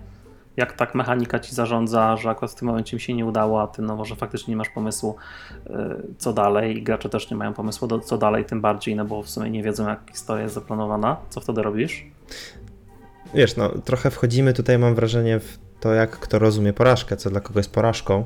Y, Zakładam, Bo- że scena ma jakiś cel, który gracze chcą w nim zrealizować i nie udaje im się go zrealizować. Tak bym to zdefiniował. Mhm. No to hmm, trochę mi trudno bez przykładu tutaj mm, operować, ale no dobrze, no nie udało się zrealizować celu i myślę, że Jak chcesz operować na przykładzie, no Muszą- to dajmy na to, że gracze próbują odbić e, zakładnika, e, który ma jakieś bardzo cenne informacje, albo jest ich wiernym przyjacielem e, i nie chcą, żeby spotkała go krzywda, nie udaje im się. Czy konsekwencja może być na przykład zakładnik ginie w wyniku tej nieudanej akcji, mm, albo po prostu muszą się wycofać i on dalej pozostaje więźniem. Tak czy inaczej, jest taki, że Nie nie, no. mają tego swojego zakładnika. No i co wtedy? jasne, no jeżeli mamy taką sytuację, że ten zakładnik z jakiegoś powodu zginął, e, albo nie mają już do niego dalej żadnego kontak- kontaktu, żadnego dostępu, no to wyobrażam sobie to tak, że muszą spróbować poszukać jakiegoś alternatywnego rozwiązania i to jest właśnie wręcz powód do tego, żeby napędzić kolejne sceny, tak? Ale Powiedzmy, że alternatywnego s- rozwiązania, żeby go odbić, czy alternatywnego w Nie. ogóle, y, żeby na przykład zdobyć te informacje z innego źródła, albo no trudno, muszą sobie radzić Tak. bez swojego przyjaciela i żyć na przykład z żałobą po mm, straconym przyjacielu. Tak, no plus jeszcze to, o czym wspominałeś wcześniej, myślę, że to jest ogólnie bardzo dobry kierunek, czyli dać gracz, graczom jakąś podporę, tak? Coś się nie udało, mają właśnie żałobę, ale powiedzmy, że coś dobrego może też z tego wyniknąć w krótszej lub dłuższej perspektywie. Okej, czyli szyjesz, mówiąc krótko, na bieżąco, jak przenieść cele tej sceny w jakiś inny wątek. Tak, myślę, że trudno jest znaleźć przynajmniej mi jakieś uniwersalne A to rozwiązanie, nie jest trochę dlatego oszukiwanie graczy, że być... faktycznie nie udało mi się zdobyć tych informacji, ale i tak im dasz te informacje, tylko to już nie będzie ich przyjaciel, tylko będą musieli je kupić od handlarza na czarnym rynku albo włamać się do rezydencji jakiegoś kolekcjonera i ukraść od niego tajne dokumenty. Ale efekt będzie ten sam. Myślę, że to nie jest oszukiwanie. Myślę, że to nie jest oszukiwanie, bo bardzo często jest tak, że przecież na świecie jest wiele sposobów, żeby zrobić jedną rzecz. No tak, ale tutaj No, założyłeś, różne że sposoby, te tak. informacje ma ten przyjaciel, a potem to zmieniłeś za kulisami, żeby je gdzieś przenieść. Czyli Nie, nie chodzi mi- tylko trochę nie- nie jakby chodzi mi o zmienianie- szachujemy pod stołem, nie? Okej. Ja nie, Nie, mówię, że nie to jest źle, mi o- tylko że no tak jest i pytanie, czy to jest ok i powinniśmy tak robić, czy, czy może to jest w jakiś sposób nie fair, albo deprecjonuje yy, Nie, wagę nie. Mi nie, mi, nie chodzi, mi nie chodzi o kopiowanie danych i po prostu wkładanie je w inną postać, tylko bardziej o zdobycie pewnych informacji z innej perspektywy. Bo nie dostaniesz już tego na przykład z perspektywy więźnia, który był przetrzymywany i torturowany, ale na przykład możesz to zdobyć z perspektywy kogoś, kto go przetrzymywał i dowiesz się, że ten więzień wcale nie był przetrzymywany z takiego powodu, z jakiego ci się wydawało. Czyli jakby w przeciwnym wypadku byś do tej informacji nie doszedł. Nie dowiedziałbyś się może czegoś złego o swoim przyjacielu. Rozumiesz? Yy, Tak, ale jakby to jest coś, co wymyśliłeś po porażce, tak? Żeby uczynić ją interesującą, a jednocześnie, żeby nie zamykać jest- to jest- fabuły, to jest- tylko ona się toczy Tak. w innym stole. Czym krótko, Tak, szachrujemy pod stołem, ale dla dobra historii i ważne, żeby gracze się nie dowiedzieli, co jest w parówkach. Nie wiem, czemu nadajesz temu taką negatywną A konotację. właśnie nie jest negatywna moim zdaniem, bo ja mam dość podobne podejście do ciebie. Yy, Właśnie metoda parówkowa, jak ja to nazywam, czyli dopóki gracze nie wiedzą, co jest w parówkach, to są smaczne. Yy, W związku z tym jak najbardziej, yy, tylko żeby to nie wychodziło sztucznie, nie? Bo jak gracze będą faktycznie wiedzieć, Mhm. że tylko przestawia rzeczy i koleżki nie noszą konsekwencji, no to to przestanie być ekscytujące. Ale ja jestem jak najbardziej zwolennikiem tego, że e, historia się dynamicznie zmienia i no, robotą mistrza gry jest, żeby ją na bieżąco odkać, tak żeby była wciągająca. I to nie jest absolutnie nic złego moim zdaniem. Jak ktoś lubi bardzo symulacyjnie grać, ja nie lubię, ale jak ktoś lubi, no to faktycznie takie podejście będzie ble, no bo symulacja ma odzwierciedlać życie, więc jak się nie udało, to są konsekwencje i, no i teraz trzeba inaczej grać, nie? Ale z tego najczęściej nie wychodzą jakieś szczególnie pasjonujące historie, moim zdaniem. No dobra, a ty Adam, co na ten temat sądzisz? Jak ty sobie radzisz, jak ci porażki coś wywalają całkowicie fabularnie? Wiesz co, tak zaczynając od tego, nawiązując jeszcze do tego, co wy mówicie, to chyba się iluzjonizm nazywa, jeśli mnie pamięć nie myli, ta Tak, to są te dymi lustra, ale ja lubię parówki. Okej, spoko. E, I ogólnie prawdopodobnie często też bym się zwracał właśnie w stronę iluzjonizmu. Natomiast jest to dosyć obciążające dla mistrza gry, mam takie wrażenie, bo to on musi szybko zareagować i jakoś sobie z tym poradzić. Często Więc jest tak, wiem, że możesz to spokojnie na następną sesję odłożyć, albo przynajmniej za kilka scen, nie? Tak, tak, tak. I, e, I wiem, że się często ostatnio krytykuje, znaczy mam takie wrażenie, że iluzjonizm dostaje coraz więcej krytyki. Ja niekoniecznie tę krytykę podzielam, bo też lubię z tego korzystać i, i lubię być też w ten sposób poddawany iluzjom. Nie mam nic, nie mam nic przeciwko. E, Natomiast z czego porażki powinny wynikać w ogóle, bo chyba od tego, od tego E, Może wyszliśmy. tyle z czego wynikać, bo to, to o tym już trochę rozmawialiśmy wcześniej, bardziej kto powinien je kontrolować. Czy to powinna być decyzja właśnie mistrza gry, który zarządza, nie udało wam się w tym momencie, czy Okej. wyniki na kościach decydują i koniec, wypadła porażka na kościach, to jest porażka. No rozumiem, rozumiem. Jak to interpretujemy, czy może po prostu U- tak Rozumiem. rozumiem. gracze się wkopali w tą porażkę, bo zrobili parę głupich rzeczy, no i ile można, nie? W końcu Tak, trzeba wed- pokazać Według mnie y, decyzja należy do wszystkich i podejmuje się jeszcze przed grą po prostu.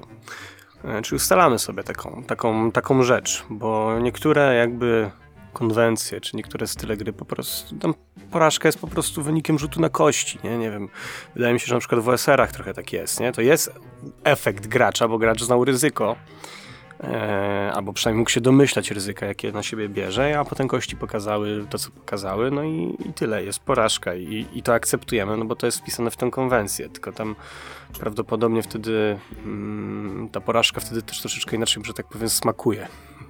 No właśnie, dobrze smakuje? Eee, wiesz co, nie mam doświadczenia w tej konwencji, żeby, żeby się wypowiedzieć. No tak, ale, chyba ale- każdemu się z nas zdarzyło, że wypadła nam jedynka na kości czy kościach i, i się nie udało. I jak się wtedy zazwyczaj czujecie? E, Ja powiem tak. e, Trochę w, w, w kontrze do tego, co powiedziałem na początku, gdzie mówiłem o tych, nieprzyjem- o tych frustracjach związanych z porażkami. To są takie właśnie momenty, gdzie mi porażki absolutnie nie przeszkadzają. Nie? Takie souls-like'i na przykład. Tam, to jest gra o umieraniu, umówmy się. Porażka jest wpisana. E, I to jest po prostu część doświadczenia, więc jeżeli z takim nastawieniem siadasz do stołu, to, to spoko. Mo, mo, No tak, ale zaakceptować, jedynce- zabijają po godzinie sesji, to jest ok? tak, jeżeli si- siadałem do stołu z takim nastawieniem, to, to jak najbardziej, nie? Nie ma, nie ma, A co nie robisz ma, przez nie ma pozostałe problemu. 3 godziny sesji? E, No to te konwencje częstokroć też zakładają, że od razu pojawia się, e, wiesz, bohater Aprim, który, który robi Czyli dokładnie... jednak nie ma konsekwencji, bo od razu się znajduje zamiennik bohatera i w sumie śmierć bohatera niewiele zmieniła. Tak, ale wiesz, tak konwencja, mnie konwencja, tak, konwencja SR-owa trochę zakłada, że bohater jest takim awatarem, który tak naprawdę gracz zwiedza ten świat, a, a bohaterowie są tylko awatarami, którzy umożliwiają graczom zwiedzanie tego No świata. jasne, I to ale jest- bardziej pytam o wasze doświadczenia z sesji, które lubicie grać, nie? Bo wiadomo, że są różne style grania, tam to porażka ma inną rolę, a ja bym chyba dzięki poznał jakby wasze perspektywy, bo u was pewnie jakieś rzeczy się sprawdzają, albo się nie sprawdzają. Mhm. Nie, to przede wszystkim, no, to absolutnie musi wynikać według mnie, znaczy inaczej. Możliwość zaistnienia porażki to powinna być decyzja gracza. To nie powinno być tak, jak się jeszcze kiedyś zdarzało, teraz być może też się zdarza, ale mam, nadzie- mam nadzieję, że już coraz rzadziej, e, że mistrz gry podejmuje tę decyzję totalnie ar- arbitralnie poza, poza, e, poza, poza wiedzą gracza, czyli na przykład, nie wiem, nie, przypaso- nie przypasowałeś komuś w tej karczmie, w której spaliście, więc z nocą cię zabił, czy coś takiego, nie? Albo nocą cię okradł, ale, ale, No tak, ale ja nie dałeś wiedziałem. wtedy możliwości graczowi w jakikolwiek sposób reagowania na wydarzenia, tylko Więc- od razu zarządziłeś y, y, działanie i jego wynik. Tak, albo, albo nawet tak dałeś jest mu, niech tam rzuci na jakąś czujność czy coś takiego. Niech sobie rzuci na tą czujność, ale jakby w- ogóle nie miał pojęcia, nie, nie, nie No spodziewał tak, się no to jest tego, jakby co znikąd, zakładane, nie? że to jest porażka wynikająca z jakiejś złej woli mistrza gry, a, a to jakby No. wszyscy się zgodzimy, że jest raczej toksyczne i, i niczemu nie służy.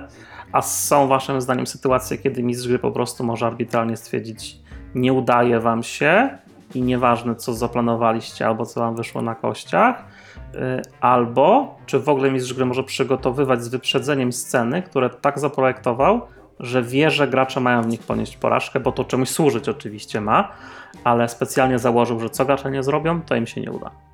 Ja myślę, że tak, bo nawet grałeś u mnie taki scenariusz. Pięć sożni w głąb takie trochę jest. E, ja Myślę, myślę, że trochę tak. cały scenariusz był zaprojektowany po to, że im się nie uda. No tak, trochę ale jest właśnie, takich konwencji, to prawda. E, jak Bez najbardziej. spoilerów. Może, może coś takiego mieć miejsce, jak najbardziej, według mnie. Tylko mówię, to warto, to też był cenny feedback. Ja od tej pory zawsze informuję graczy, że, że, tak, że tak po prostu się może zdarzyć. E, więc jak najbardziej może to mieć miejsce e, i nie widzę z tym problemu. Tak, tylko znowuż punkt wyjścia, jeżeli wcześniej się na to, jeżeli wcześniej się na to zgodziliśmy i gracze byli po prostu świadomi, że coś takiego może. Okej, a co w może sytuacjach, kiedy nie zaistnieć, masz im powiedzieć, że ta scena się skończy porażką, bo to nie jest jeszcze finał historii, tylko jakiś konkretny moment, zaprojektowałeś ten moment specjalnie, opierając się na tym, o czym mówiliśmy, żeby to był dobry moment, żeby podkreślić słabość postaci, albo żeby potem mogli się od tego odbić To- ku jakimś fajniejszemu e, co? ale odbierasz im to poczucie Mhm. sprawczości na sesji i nie mówisz im Rozumiem. tym wcześniej. Rozumiem. To ja bym wtedy właśnie, mm, jeżeli to ma być porażka, to ja bym na pewno wtedy nie szedł w mechanikę albo w jakieś takie, mm, nieważne co gracze No, rzucą, to to ja im to wymusić, opiszę, nie? nie? Po prostu będą rzucać, aż im się nie uda. Nie, nie, ale no właśnie, to wtedy, to wtedy bym tego nie robił. To od razu bym zaczął od opisu. Po prostu bym to opisał, nie, nie, nie bawił się w udawanie, że to jest mechanika i że to wynika z jakichś tej- tam ich kiepskich decyzji, tylko żeby mieli świadomość, że ta porażka to jest element opisu, na który oni nie mieli wpływu. Oni jako gracze po prostu, A nie? nie uważasz, że jak nie dajesz im wpływu, to ta porażka niespecjalnie wchodzi, że porażka lepiej działa, jak gracze przez jakiś czas próbują, ale mimo wszystko im się nie udaje, niż od razu opisujesz porażkę? Ja nie wiem, No że to- te nie- nieudane próby muszą się wiązać z rzutami, bo masz to wszystko poprowadzić narracyjnie, ja też bym tak zrobił, ale że mimo wszystko ta scena porażki musi mieć aktywny udział graczy, po prostu gracze nie są świadomi, że co nie zdecydują, to im się nie uda. No ja jestem przeciwny raczej czemuś takiemu i post factum dawałbym wtedy prawdopodobnie znać, że, że nie chciałbym grać w ten sposób i wo, wolę już wcześniej, wol, wo, wolałbym mieć opis niż, niż, niż sceny z góry skazane. Nawet nie chodzi o porażkę, tylko po prostu sceny z góry skazane na jakiś wynik, to wolałbym mieć wcześniej uprzedzone, że takie elementy się pojawią i wtedy, żeby one były opisane, a nie żebym ja sztucznie mógł podejmować jakieś decyzje. Eee, bo... A uważasz, że te decyzje nie mają znaczenia tylko dlatego, że nie uzyskasz w nich tego, co byś chciał? Że to może sama możliwość podjęcia decyzji jest tutaj tym wyzwalaczem emocji? Znaczy, Że jeżeli ta bez porażka względu- działa i boli, frustruje przez chwilę, właśnie dlatego, że próbowałeś i nie wyszło? Słuchaj, no... Potem próbowałeś bardziej i znowu nie wyszło? Okej, Janek ma jakąś perspektywę? Dawaj. Tak, ja myślę, że mistrz gry arbitralnie może podjąć decyzję w momencie, w którym będziemy mieli ileś takich sytuacji, w których mistrz gry założył sobie, że jeżeli gracze nie zrobią tego, nie zrobią tego, nie zrobią tego, nie zrobią tamtego, to będzie taka nie wiem, taki automatyczny wyzwalacz tego, że im się coś nie udało. I jeżeli gracze potem połączą kropki i pomyślą, aha, nie zrobiliśmy tego, nie wiem, nie zadbaliśmy o to, żeby statek odpłynął później, nie zadbaliśmy o to, żeby ktoś nie wsiadł do tego statku, nie zadbaliśmy o to, żeby ten ktoś nie wziął tej rzeczy z, z sejfu ze sobą, no to ostatecznie mają porażkę, tak nie udało im się, bo ileś, iluś tam rzeczy nie dopilnowali. Ale to wtedy według mnie nie do końca jest arbitralne, bo to wynika To jednak nie z jest pewnych... zaplanowana porażka, to wynika z decyzji Mhm. graczy, moim zdaniem. No. Tak, ale arbitralna w takim sensie, że mistrz gry podejmuje decyzję bez żadnej mechaniki, ani bez No niczego tak, ale tak naprawdę No, ale- decyzje podejmują gracze swoimi decyzjami. Jednak ciągiem wręcz. jak dla mnie taki licznik, że nie zrobiliście tego, nie zrobiliście tego i to się skumulowało do jakiegoś tam stosiku, który łącznie już przepełnił po prostu tą czarę i się wylało, to to już jest dla mnie forma mechaniki. To, że nie ma w nich kości, to nic, to, to nic nie znaczy. I niekoniecznie gracze muszą o niej wiedzieć, ale To jednak jest to forma może... interakcji, bym powiedział, nie? Bo jakby de decyzje graczy kształtują świat fikcji, więc no jest to interaktywne, bo jest to dialog między mistrzem gry a graczami. Mechaniki bym chyba do tego nie mieszał. W sensie można to a- zrobić bez mechaniki. Do twojego pytania wracając, Bartek. Je, Mhm. Tak, ja, e, Ale- ja prawdopodobnie miałbym z tym cały czas problem, bo No właśnie, Faktycznie ciekaw, skąd się to bierze. E, bo to prawdopodobnie stwarzałoby poczucie bezsilności, którego Ale- ja niekoniecznie osobiście chcę Mhm. odczuwać na sesjach. Okej. Nie? Okej, jakby to Nie wiem, być może- ma być jakby świadomie wbudowane w tą scenę? Tak, ja nie, ja nie chcę się jako człowiek czuć bezsilny jako gracz. rozumiem, nie? że gracz może nie chcieć tego, tego odczuwać na Tak, sesji. tak, jasne. tak, nie wiem, inni być może mieliby inaczej, ale akurat mam duże problemy z poczuciem bezsilności, takie mam wrażenie. Spoko. Y, No dobra, to co? E, Skoczmy sobie na, na chwilę na kolejną kąpiel popkulturową. Tym razem w odległą przeszłość. Janek, co cię natknęło, żeby Planescape'a grać? I czy to w ogóle twoje pierwsze zetknięcie z tą grą jakieś niedawne? Czy jakaś nostalgia cię naszła Nie. i wspominasz teraz? Ja w Planescape'a grałem po raz pierwszy już wiele lat temu. Generalnie Planescape Torment to jest gra z 1999 roku, stworzona przez Black Isle Studios. I naszło mnie, żeby w ogóle o niej wspomnieć dzisiaj, dlatego że jest tam bardzo silnie zaznaczony temat porażki. I w dość niekonwencjonalny sposób tam ta porażka właśnie pcha nas do przodu, dlatego że zaczynamy w ogóle grę w kostnicy, ale nie jest to najdziwniejsze w tej grze. Najdziwniejsze jest chyba to, że poza tymi wszystkimi e, urozmaiconymi fragmentami światów, które możemy tam zwiedzić, nasza śmierć w konsekwencji sprawi to, że obudzimy się po raz kolejny w kostnicy. Więc czasem może nawet łatwo nadstawić karku, żeby gdzieś zdobyć jakąś informację, albo żeby wejść tam, gdzie nie jest się zapraszanym, y, aby się czegoś dowiedzieć, ale potem znowu wylądować w tej kostnicy. Dlatego, że mamy ze sobą latającą czaszkę, która nam o wszystkim przypomni, nawet jak zapomnimy. To jest nasz towarzysz, przyjaciel, który z nami podąża przez tą grę. I nie wiem, co ty masz, czy ty masz Bartek coś do dodania, bo wiem, że również grałeś w tą Mm, grę. Wieki temu oczywiście wciąż ją bardzo dobrze pamiętam. To jest zdecydowanie jedna z moich ulubionych gier RPG w ogóle ever. Chyba tylko Disco Elysium przykryło ostatnio, ale to pewnie dlatego, że Disco Elysium grałem całkiem niedawno. I no tak, ten motyw tam pewnie jest. Nie wiem, czy ja bym go nazwał porażką, no bo faktycznie nie ma specjalnie konsekwencji tej porażki, przynajmniej w większości momentów tej gry. Czyli to jest po prostu takie narzędzie narracyjne, żeby usprawiedliwić, dlaczego możesz ginąć jako postać w grze komputerowej i grać dalej. Ale tam się to świetnie sprawdza, więc jak najbardziej podobał mi się ten motyw. Amnezja też tam była oczywiście taki kliszowaty mo- motyw, ale y, wciąż się sprawdzający, jak chcesz odkrywać cały ten świat razem z bohaterem, który o nim y, wie równie mało jak ty jako gracz. Nie pamiętam takich sytuacji, ale to grałem wieki temu, jak już mówiłem, żebym faktycznie ginął celowo, żeby się wymigać od jakiejś konsekwencji. Faktycznie są tam jakieś takie motywy, o których zapomniałem.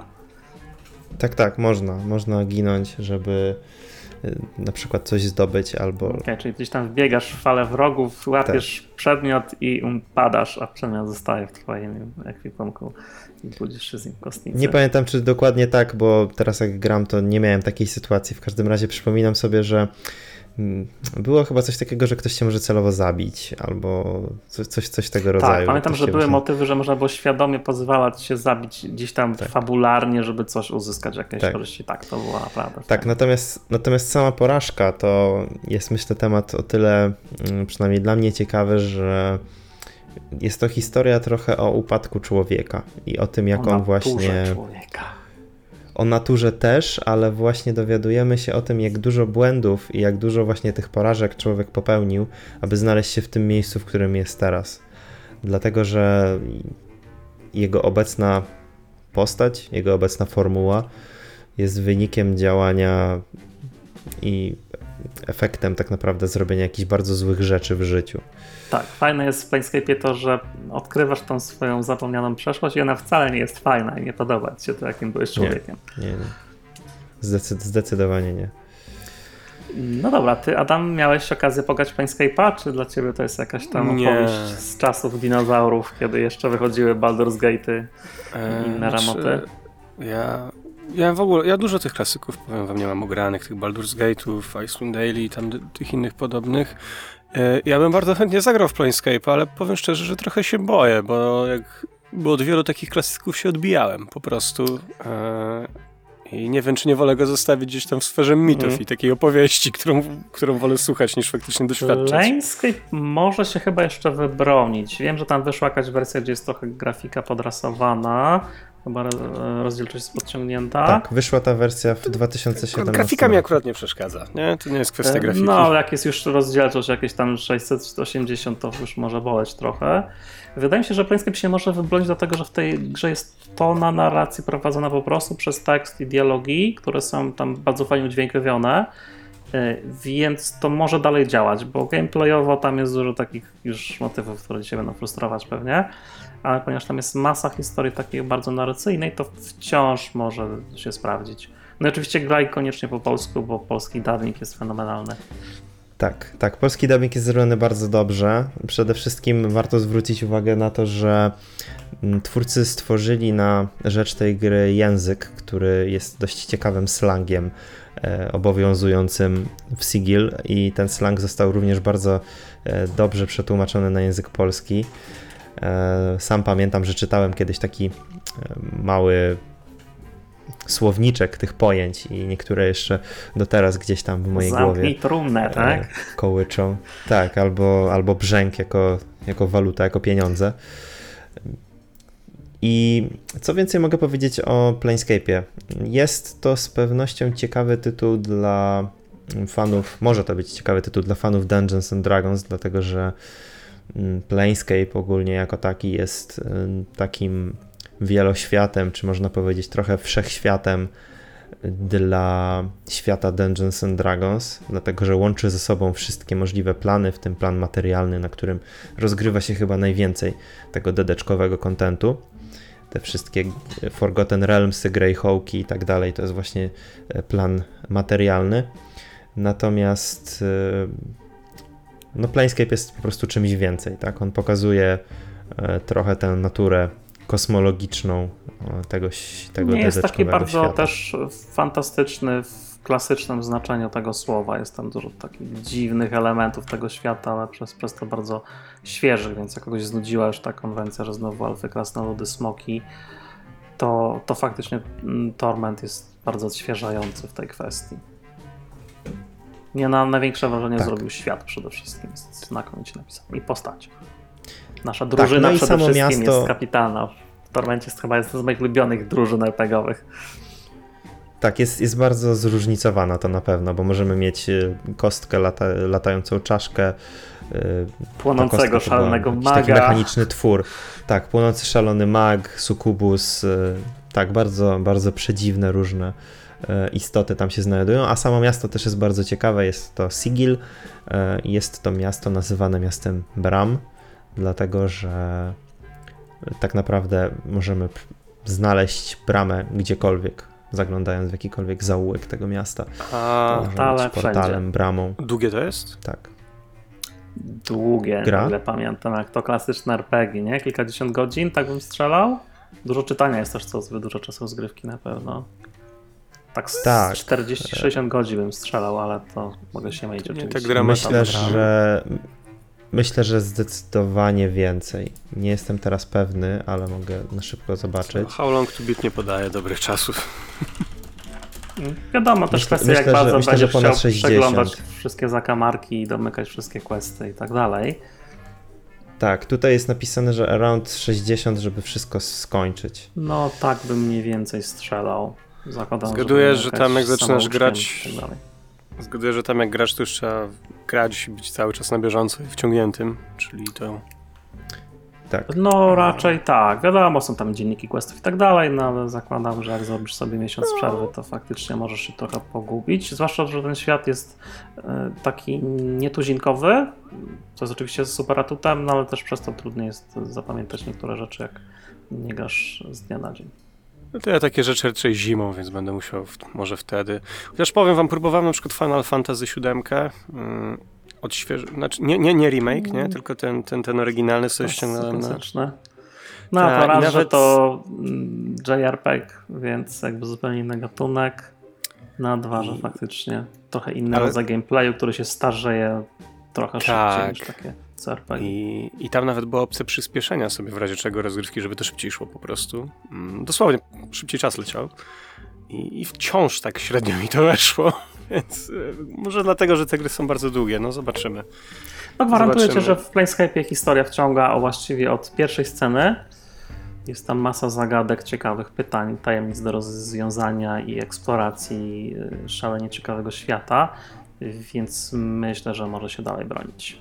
Trzeba tylko trochę, wiadomo, się przebić przez tę warstwę gameplayu, która tam będziesz mocno przestarzała. Ale moim Nie zdaniem warto dla historii. Jak nigdy nie miałeś okazji grać, to, to jednak warto poznać. Albo chociaż Nie obejrzeć na zapomnę w YouTubie. kontekście Planescape'a tego, że e, kiedyś, jeszcze bardzo dawno temu, jak były czasy solucji do gier e, komputerowych e, i właśnie wtedy grałem w Planescape'a, w Planes- Planescape'a, ale grał w niego też mój tata. I e, mój tata przeczytał gdzieś w jakiejś solucji, że ostatniego bossa, powiedzmy, nie da się pokonać, że to jest niemożliwe, że żeby to zrobić, to coś tam No tak, trzeba mieć jakiś nie, nie wiadomo jaki poziom. i bez walki pokonać. No ale nie o to mi chodzi. Chodzi o to, że nie da się go pokonać i on wtedy, pamiętam, zebrał cały ekwipunek jakichś bandaży i innych środków leczących i zajęła mu ta walka chyba z półtorej godziny, ale udało mu się i był taki dumny z siebie, że udało mu się pokonać głównego bossa, który jest niepokonywalny i to tak takim boomerskim akcentem w sumie mogę za zakończyć tą gadkę o Tormencie. No dobra, to jakby kontynuując temat niepokonywalnych bossów, ostatni fragment naszej dyskusji o porażce. E, Czy waszym zdaniem w ogóle rację bytu mają e, sesje, czy cała historia właściwie, bo o to mi chodzi, które się po prostu mogą zakończyć porażką, że cała historia, którą powiedzieliśmy, po prostu się kończy klęską? I czy to w ogóle ma szansę być fajne dla graczy? Jak sądzicie? A jak to rozumiesz? Y, To prowadzimy jakąś historię. Dajmy na to, weźmy sobie naszą pustynię westchnień. Celem historii jest odszukanie waszych zaginionych bliskich. No i po wam się nie udaje, nie odnajdujecie ich, nie wiecie co się z nimi stało, albo odnajdujecie ich, ale oni nie żyją i tak czy inaczej no jest to porażka was jako bohaterów, no i pewnie też was jako graczy. Czy to w ogóle w jakiejkolwiek formie, nie wiem, że w tym przykładzie, który podałem, może się udać, tak żeby gracze dalej stwierdzili, to była fajna historia, dobrze się bawiliśmy? Tak. Tak, pokrótce, tak, myślę, że może. Może nie, nie, że, może nie konkretnie w tym przypadku, przykładzie, co ty podałeś, ale jak najbardziej może się to zakończyć porażką. Tylko pytanie, czy to właśnie wtedy jest porażka? Porażka fab- Ja też myślę, że tak. fabularna bohaterów, być może, ale, czy to nie, ale nie jest to porażka historii, którą stworzyliśmy, może w ten sposób, bo znowuż nawiążę do pięciu sężni w głąb, które się kończy totalną porażką zawsze, za każdym razem. No tak, ale przyznam, że to jest dość szczególny rodzaj historii i większość RPGów zakłada możliwość sukcesu, ale być może i możliwość porażki, bo wiadomo, że są systemy jak chociażby ze Cthulhu, który często ma wbudowany destrukcję bohatera, czy ten Candles, który zakłada, że na końcu postaci tak umierają. No to są specyficzne formuły, więc jakby wiadomo, że tam ta porażka i tak się wydarzy. A bardziej mi chodzi o to, czy decyzje graczy mogą doprowadzić do tego, że historia się po prostu kończy porażką i czy to dalej uznajemy, że to była dobrze rozegrana sesja? Czy może to oznacza, że po prostu nie udało się, jesteśmy wszyscy sfrustrowani? No No ja myślę, że może być zarówno taka, taka, taki przypadek, że jesteśmy wszyscy sfrustrowani, ale może być też taki, że jesteśmy No zadowoleni. właśnie, że to jak chcesz fajna zrobić tę porażkę dobrze, żebyśmy byli mimo wszystko zadowoleni z zapowiedzianej historii? Co musi być w takiej porażce, waszym zdaniem? Musi być y, odpowiednio nakreślony upadek postaci. Taki, że faktycznie te postacie są bardzo z, mocno poruszone i nawet zniszczone tą, tą porażką. Okej, czyli zakładamy, jest że moje zdanie. epilog musi być jakąś formą, w której te postacie przeżywają tę porażkę yy, i ponoszą konsekwencje. Yy, A nie macie wrażenia, że wtedy tej historii brakuje jakiejś takiej treściwej konkluzji? Bo nawet nie tyle, że ta historia się nie kończy, bo w oczywisty sposób ją skończyliśmy, tylko że w sumie nic nie wynikło z tej porażki. Czy to waszym zdaniem nie będzie was no, to frustrować? nie musi tak być. To nie musi tak być, że nic nie wynikło, bo może wyniknąć to, że oni stwierdzają, że tak naprawdę no, ich życie teraz przestaje mieć jakikolwiek sens. To może być taka konkluzja, nie? że tak naprawdę oni dążyli do tego, żeby ten sens powiedzmy życiu przywrócić, ale nie udaje im się po prostu i, i teraz ten, ten sens jakby się zatraca tak, No życiu. wtedy mamy taki trochę czysty nihilizm. Czy to jest fajne na sesji? Czy ktoś przychodzi na sesję po to, żeby się czuć przeczołgany przez fikcyjną rzeczywistość i pokazać mu, że opór nie ma sensu i ostatecznie wszystko się kończy tragedią? Czemu nie? A Adam, jak to wygląda? Masz wrażenie, że takie sesje by Ci dały jednak mimo wszystko poczucie spełnienia? Eee, znaczy, bo no, już na początku wykluczyłeś wszystkie moje argumenty, czyli na przykład wyrzuciłeś ze wktule i mnóstwo innych takich, gdzie to po prostu jest. E, No właśnie chciałem uniknąć systemów, które mają to trochę wbudowane w konwencję, więc tam tego się spodziewamy przede wszystkim. A, a w wielu systemach jednak zakładamy, że gracze próbują e, w cudzysłowie wygrać, czyli zrealizować jakiś cel, tak? Ważny dla ich postaci. I- nie udaje im się go zrealizować. Nieważne, czy w wyniku złych rzutów, czy w wyniku podjętych decyzji, czy jakiegoś splotu jeszcze innych przypadków i nieszczęśliwych wydarzeń, no ale nie udaje im się osiągnąć tego celu. I czy to Twoim zdaniem ma sens działać w dalszym ciągu jako e, zakończenie, do którego chcemy mimo wszystko pozwolić doprowadzić? Tak, jestem w stanie sobie to wyobrazić. No bardzo łatwo jestem w stanie, w stanie to sobie wyobrazić, jeżeli Mhm. podchodzimy właśnie w ten gamistyczny sposób. Czyli na przykład mamy loch, mamy albo scenariusz, który jest loch, który mamy przejść i na końcu zdobyć skarb, albo wyjąć tam, nie wiem, zabić złego maga, czy cokolwiek takiego. I to tra- traktujemy trochę jako takie wyzwanie, gdzie wiesz, nie udało nam się, okej, to spróbujemy innym razem inną drużyną po prostu i, i tyle, albo spróbujemy inny loch. Więc ogólnie tak, jak najbardziej dopuszczam coś takiego, chociaż mam wrażenie, że nie, nie do końca o to pytasz. Okej, ale teraz zakładasz, że będziesz mógł rozegrać ten log drugi raz. Tak, albo że zagram zaraz chcesz inny wygrać innymi, i liczysz na to, że za którymś no. razem jednak ta historia się zakończy zwycięstwem, czyli to jest tylko tymczasowa porażka. No właśnie niekoniecznie, bo mówię, to może być potem już zupełnie inny lot, tylko po prostu o, akurat w tym nam się, e, w tym ak- akurat nam się nie udało.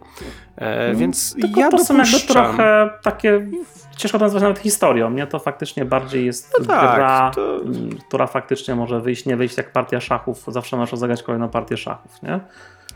Tak, no mówię, także w takim gamistycznym ujęciu jak najbardziej Mhm. to, e, to A w dopuszczam. storytellowym? E, a w Storu... Ty... Ja się tak, zas- Mhm. Się tak zastanawiam, myślę, że jeżeli skupimy się na tym, że nie powinniśmy konstruować scenariusza, w którym nie możemy ponieść porażki, to, to to prawda, oddalamy się od symulacjonizmu z jednej strony, ale z drugiej strony mam wrażenie, że zbliżamy się troszeczkę do tego, żeby ta sesja była liniowa w jakimś sensie, albo przynajmniej z rozdwojoną końcówką, że nie może ci się nie powieść, bo zawsze ale będzie na końcu coś takiego. sesję, w której decyzje graczy mają różnego rodzaju konsekwencje, ale każda z nich prowadzi do jednak finału, w którym gracze coś osiągają, w jakiś sposób zmieniają świat fikcji. Nie ponoszą porażki. I to wtedy Mhm. nie jest liniowe. Poza tym wszystko, co się działo pomiędzy tym, to może być równie dobrze totalnie sandboxowe nawet, jak chcesz, nie? Więc ja bym tutaj tego nie łączył z liniowością jakoś specjalnie. Znaczy powiem tak, ja często grałem takie sesje, bo wyrastałem na jesiennej gawędzie, chociaż nieświadomie chyba wtedy, nie miałem uświadomionego tego, że gram Ale jesienną czy to były gawędę, dobre tak się... sesje? I czy No nie właśnie, były dobre jak teraz dlatego, że to myślę- były jedyne sesje, jakie znałeś? No właśnie, to jest ten problem. Czy to były dobre sesje z perspektywy czasu, czy teraz sesje nie są lepsze, kiedy ten, ten element już tak nie występuje. Eee, a pytałeś, czy może się zakończyć? Tak, według mnie może się zakończyć, ale to powinniśmy sobie No właśnie, ale powiedzieć czy to, starcie, ale czy to będzie satysfakcjonujące? Bo wiadomo, że może, tylko pytanie, czy powinno, bo jeżeli wszystkich ma to tylko sfrustrować, to może nie powinniśmy dopuszczać do sytuacji, w której historia się po prostu kończy fiaskiem. Jak się nad tym zastanowić, to jednak większość opowieści filmowych czy książkowych no jednak kończy się jakimś rozwiązaniem, niekoniecznie takim, jak postacie sobie wymarzyli, ale jest tam jakaś konkluzja, a nie po prostu graczom się nie udało, postaciom ponieśli Okej. klęskę, koniec, dziękuję, epilog. No a Mam to nadzieję, teraz, że dobrze się bawiliście. tak patrząc trochę z poziomu meta, jeżeli gramy cały czas w stałej ekipie, to porażka w tym jednym scenariuszu może jakby tylko poprawić smak sukcesów poprzednich albo kolejnych, jakie przed nami są. Bo Właśnie chyba tak nie miał, bo dla mnie jednak ta historia y, jakoś się zakończyła. Moje decyzje z kolejnej sesji nijak nie wpłyną na, na wynik poprzedniej, to będą inni postacie w innym kontekście. Jasne, być może bardziej się przyłożę do kolejnej sesji, więc to zdecydowanie jest pozytyw porażki, że to powinno przynajmniej zmotywować, jak to dobrze zrobimy graczy do tego, żeby może bardziej się zaangażować w kolejną przygodę. No ale wciąż miałbym wrażenie, że ta poprzednia przygoda no, nie dała mi satysfakcji, nie? że coś skopałem, bo albo to była moja wina, albo po prostu los nie podszedł. Yy, No i będę się źle czuć z takim zakończeniem. Bo co innego zakończenie, yy, które jest inne niż ja sobie wymyśliłem, yy, jako konsekwencja moich decyzji, a co innego zakończenie, które po prostu kończy historię albo bez rozwiązania, albo rozwiązaniem, które jest jednoznacznie jakby klęską i, i to klęską, z której nic yy, konkretnego nie wynika. A, a co gdy będziemy grali, powiedzmy, drużyną złych postaci i im nie udało się zrobić coś złego? Czyli finalnie konkluzją jest to, że świat jest szczęśliwy i, i że powiedzmy Mm, tak Przewrotne, naprawdę jako ale grupa. wydaje mi się, że to samo, czyli e, sesja stawia przed tobą pewien cel i nie zrealizowałeś tego celu zgodnie z moją definicją. Nieważne, czy ten cel był Mhm. etyczny, czy nie. e, Zakładamy, że dla postaci ten cel jest ważny z jakiegoś powodu, empatyzujemy z postaciami, więc jak tym postaciom się nie udaje, to nas też to w jakiś sposób dotyka. E, No ja myślę, że jest to, gdybym miał grać zawsze takie sesje, które się w ten sposób kończą, to na pewno byłoby to frustrujące i pewnie bym się zniechęcił do RPGów. Natomiast nie widzę osobiście niczego złego w tym, aby raz na jakiś czas taka sesja się pojawiła, w której odczuwamy faktycznie tą porażkę i nawet po sesji chwilę siedzimy Mhm. cicho i nic nie mówimy. Okej, a co myślisz, że wyciągamy z takich sesji? Co pozytywnego wyciągamy z tej sesji? Takiego zakończenia? Co jest jakby czymś, czego byśmy nie mogli wyciągnąć z sesji, która się dobrze zakończyła? Poza mm, to, o czym Adam Myślę- mówił, czyli jakby motywacją tego, żeby się lepiej przełożyć do kolejnej. Co wyciągamy pozytywnego? Myślę, że emocje. E, Czyli ten taki paradoksalny y, poczucie katarzis wynikające z tego, że przeżyliśmy cudzą tragedię, tragedię, a nie naszą własną i Tak, takie poczucie tak. satysfakcji z tragicznej historii. I ja bym się z tym zgodził, chociaż mam wrażenie, że to działa tylko w konkretnych konwencjach, tylko jak, gramy w konwencji tragedii albo dramatu, a to jest dość Mhm. rzadka konwencja w RPGach ogólnie. E, No Mało tak, ludzi gra dramaty w ogóle w RPGach, opowieść. a jeżeli już to raczej jakieś takie faktycznie mroczniejsze historie, ale jednak z założeniem, że ostatecznie mają się czymś sensownym skończyć. Ale są wyjątki. No tak, jakbyśmy grali cyber, cyberpunk albo jakąś opowieść, cyberpunk może niekoniecznie, Cyberpunk jest świetnym opowieść. przykładem, że możesz to skończyć tragicznie i nagle, nie? No tak, tak, tak. Dlatego się z tego szybko wycofałem, ale gdyby to była jakaś baśniowa opowieść, jakiś Piotruś Pan albo coś takiego, to może niekoniecznie chcielibyśmy kończyć to porażką. Mhm. Ja jeszcze rzuciłem jeden przypadek, czyli yy, porażka w finale, ale nie porażka historii, tylko porażka No. postaci. Bo z reguły mamy kilku graczy przy stole i porażka jednej postaci może być wręcz świetnym zabiegiem fabularnym w finale, gdzie w jakiś sposób to buduje konsekwencje, a jednak historia kończy się jakąś sensowną konkluzją, pomimo tego, że niektórym z nas się nie udało, ale być może coś wyciągnęliśmy z tej porażki innej postaci y, i to fajnie gra. Y, To się też dobrze sprawdza jako takie narzędzie, że e, ktoś faktycznie ginie gdzieś tam tuż przed konkluzją sesji i to popycha postacie pozostałych bohaterów do tego, żeby dogać tą historię do końca. To działa emocjonalnie. Także w takich przypadkach Tak, to, są, to jest takie ciekawe budowanie stawek na końcu, bo właśnie na, na końcu te stawki są często bardzo wysokie. Mhm. Yy, Wyobraża mi się taka, taka scena, która kiedyś się zdarzyła w Alienie, jak to jeden z bohaterów poświęcił się, aby reszta mogła uciec. Yy, To, no to myślę, że jest typowe dla tego typu produkcji w, kosmiczny, w, w kosmicznym horrorze, ale tak, myślę, że to jest dobry przykład. Dokładnie, także nie tyle porażka historii, co porażka postaci, bo nawet nie gracza, bo zakładam, że gracz poświęcając się e, i ratując też tę drużynę, odczuwa jednak to jako sukces siebie jako gracza, nawet jeżeli dla postaci to e, mogła być jednak klęska w osiągnięciu jakichś celów, które sobie wymarzył. No dobrze, to może jeszcze ostatnie szybkie, przewrotne pytanko. Total Party Kill, tak czy nie? I kiedy? Hmm. E, no, znów wróć, wrócę do tego, co Ja mówiłem jestem- już parokrotnie. Jeżeli się umówiliśmy. O OSR-ach i zawiektorze na końcu. E, tak, tak, tak. Jeżeli się jakby. Zależy od konwencji. Jest, nie mam, nie mam nic przeciwko, e, jeżeli wpasuje do konwencji, jeżeli jest robiony tylko przez złośliwość e, albo jakieś tam, nie wiem, podkreślanie spraw, nieskończonej wielkiej sprawczości mistrza gry i władzy nad graczami, no to wtedy to jest oczywiście e, dla mnie no-go zdecydowanie. No ja piszę u siebie w swoich house rulach, czy jakby to nazwać inaczej, że jeśli gracze robią coś bardzo niebezpiecznego, to gra może się skończyć wcześniej i wtedy po prostu kończymy wcześniej historię, dziękuję.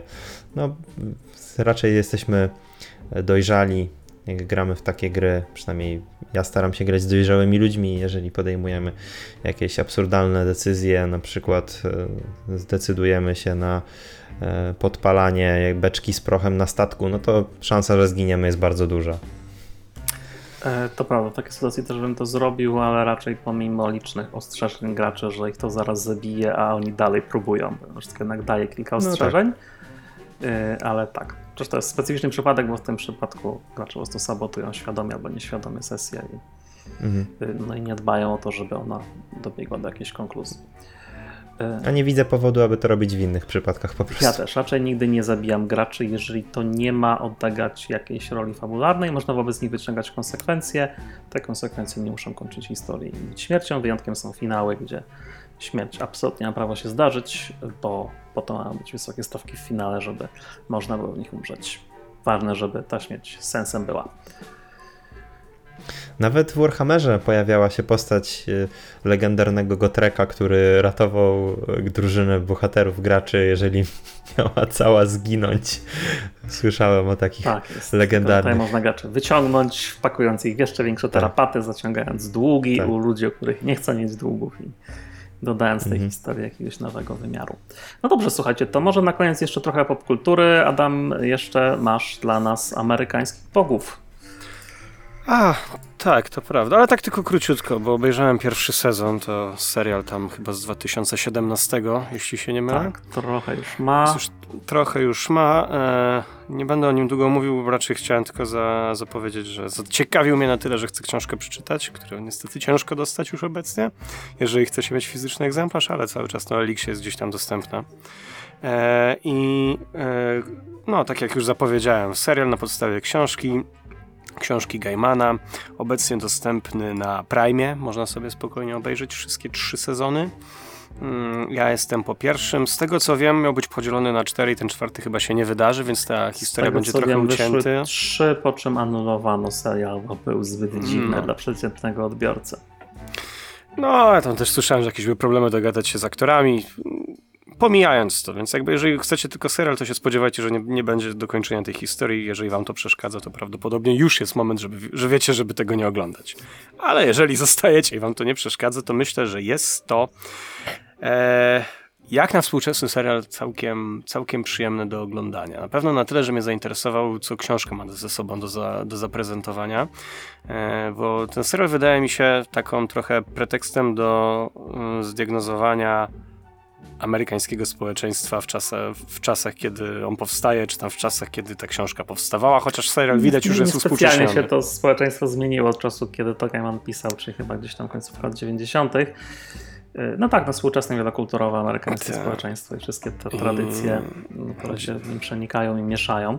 Tak, tam jest bardzo prosty zabieg, bo tam występują, no jak w tytule, bogowie, czyli to jest takie urban fantasy po prostu. Eee, I ci bogowie generalnie walczą powiedzmy o wyznawców, tak w dużym skrócie, nie wchodząc w szczegóły, więc jeżeli masz dużo wyznawców, to prawdopodobnie jesteś potężniejszy od tych, którzy nie mają, którzy mają mało wyznawców i już po tym, którzy bogowie są potężni, a którzy nie, świat daje nam pewien obraz amerykańskiego społeczeństwa, nie? Bo w tych wierzą, więc ci są potężni, więc, więc obecnie oddają tam część, co tam było, globalizacji, mediom i tam No jeszcze, też jeszcze są tak czegoś, nie? uwspół- to są niektórzy bogowie, jak na przykład Wulkan, który jest gdzieś tam właścicielem fabryki amunicji. Tak, i, i, i produkcji broni też niektórzy przeszli rebranding. E, no, także to jest jakby cał, cała ta historia jest trochę, e, no może nie pretekstem, ale jest takim jakby powodem, w, sposobem na diagnozę. Mm, czy udanym, czy nie, ciężko mi w tym momencie powiedzieć, bo muszę, muszę dotrzeć do końca tej historii, żeby, żeby, żeby to w całości ocenić. Natomiast e, na pewno jest to historia wciągająca. Na początku miałem wrażenie, że tam jest trochę case taki jak z Boysem, że, z Boysami, że niepotrzebnie dużo przemocy, niepotrzebnie dużo seksualizacji, która, pod którą niby znajduje się jakaś bardzo prosta, prosta moralność. E, I dlatego Boys mi nie siadło, jak już słychać Że zapewne. w Boysach to ma raczej tak tanio szokować, a tutaj to jest No bardziej właśnie, takie a- pierwotne. Tak, i tu właśnie mam, bo to mówię, to był vibe, który na początku poczułem, a im dłużej to oglądam, tym bardziej mam wrażenie, że to ma pewne, to ma czemuś służyć faktycznie. Eee, że, te, że te niektóre sceny nie pojawiają się tam bez, bez powodu, że są fajnie, fajnie umieszczone i, i że czuć w tym nutkę powiedzmy eee, no jakiegoś takiego zamysłu bardziej o. Nie, że nie, nie, nie leci ta jucha na prawo i na lewo, tylko po, to, żeby, tylko po to, żeby leciała. Jest bardzo fajnie zagrany ten serial, poza głównym bohaterem według mnie. Ale on ma E, być czy- takim nijakim gościem, przez którym my jako widzowie mamy postrzegać ten świat. Tak, i właśnie zastanawiam się, czy on będzie nie, taki nie do bez powodu końca. nazywa się Shadow, nie? No będzie, będzie. E, czy będą takie, bo na przykład, tak porównując, w Ślepnąc od świateł też mamy takiego bohatera naszym polskim, który ma być taki trochę bez, bez, bez wyrazu, ale tam są momenty, w których on powinien się emocjonować i wtedy, kiedy aktor próbuje się emocjonować, to widać, że mu to nie wychodzi. E, tu nie doszedłem jeszcze do takich momentów, chociaż tutaj też było parę takich momentów, kiedy mam wrażenie, że ten Shadow powinien być trochę rozemocjonowany i wtedy trochę to dopada, więc to jest kwestia dobrego A castingu. komu nie wychodzi bycie rozemocjonowanym w ślepnąc od świateł? E, Kogo masz na myśli? No, głównego bohatera, tego dealera. Mhm. Mm, według mnie, nie? Jakby te sceny, kiedy on ma być nakręcony, absolutnie, absolutnie mi nie siadają, natomiast te, te, sceny, kiedy ma być taki wyłączony ze świata, ja oglądałem to dawno, może nie schodźmy na ślepnąc od świateł. Eee, no i tutaj mam, mam, trochę, mam trochę ten sam, ten sam case. Natomiast tak, e, wracając do tych uśpionych bogów. Fajne całkiem urban fantasy. E, akcja się dzieje dosyć wartko. Jednej rzeczy tam trochę nie rozumiem, bo trochę jakby mm, takim bajerem w tym, w tym serialu to jest domyślanie się, kim naprawdę są postaci, których, które spotykamy, nie?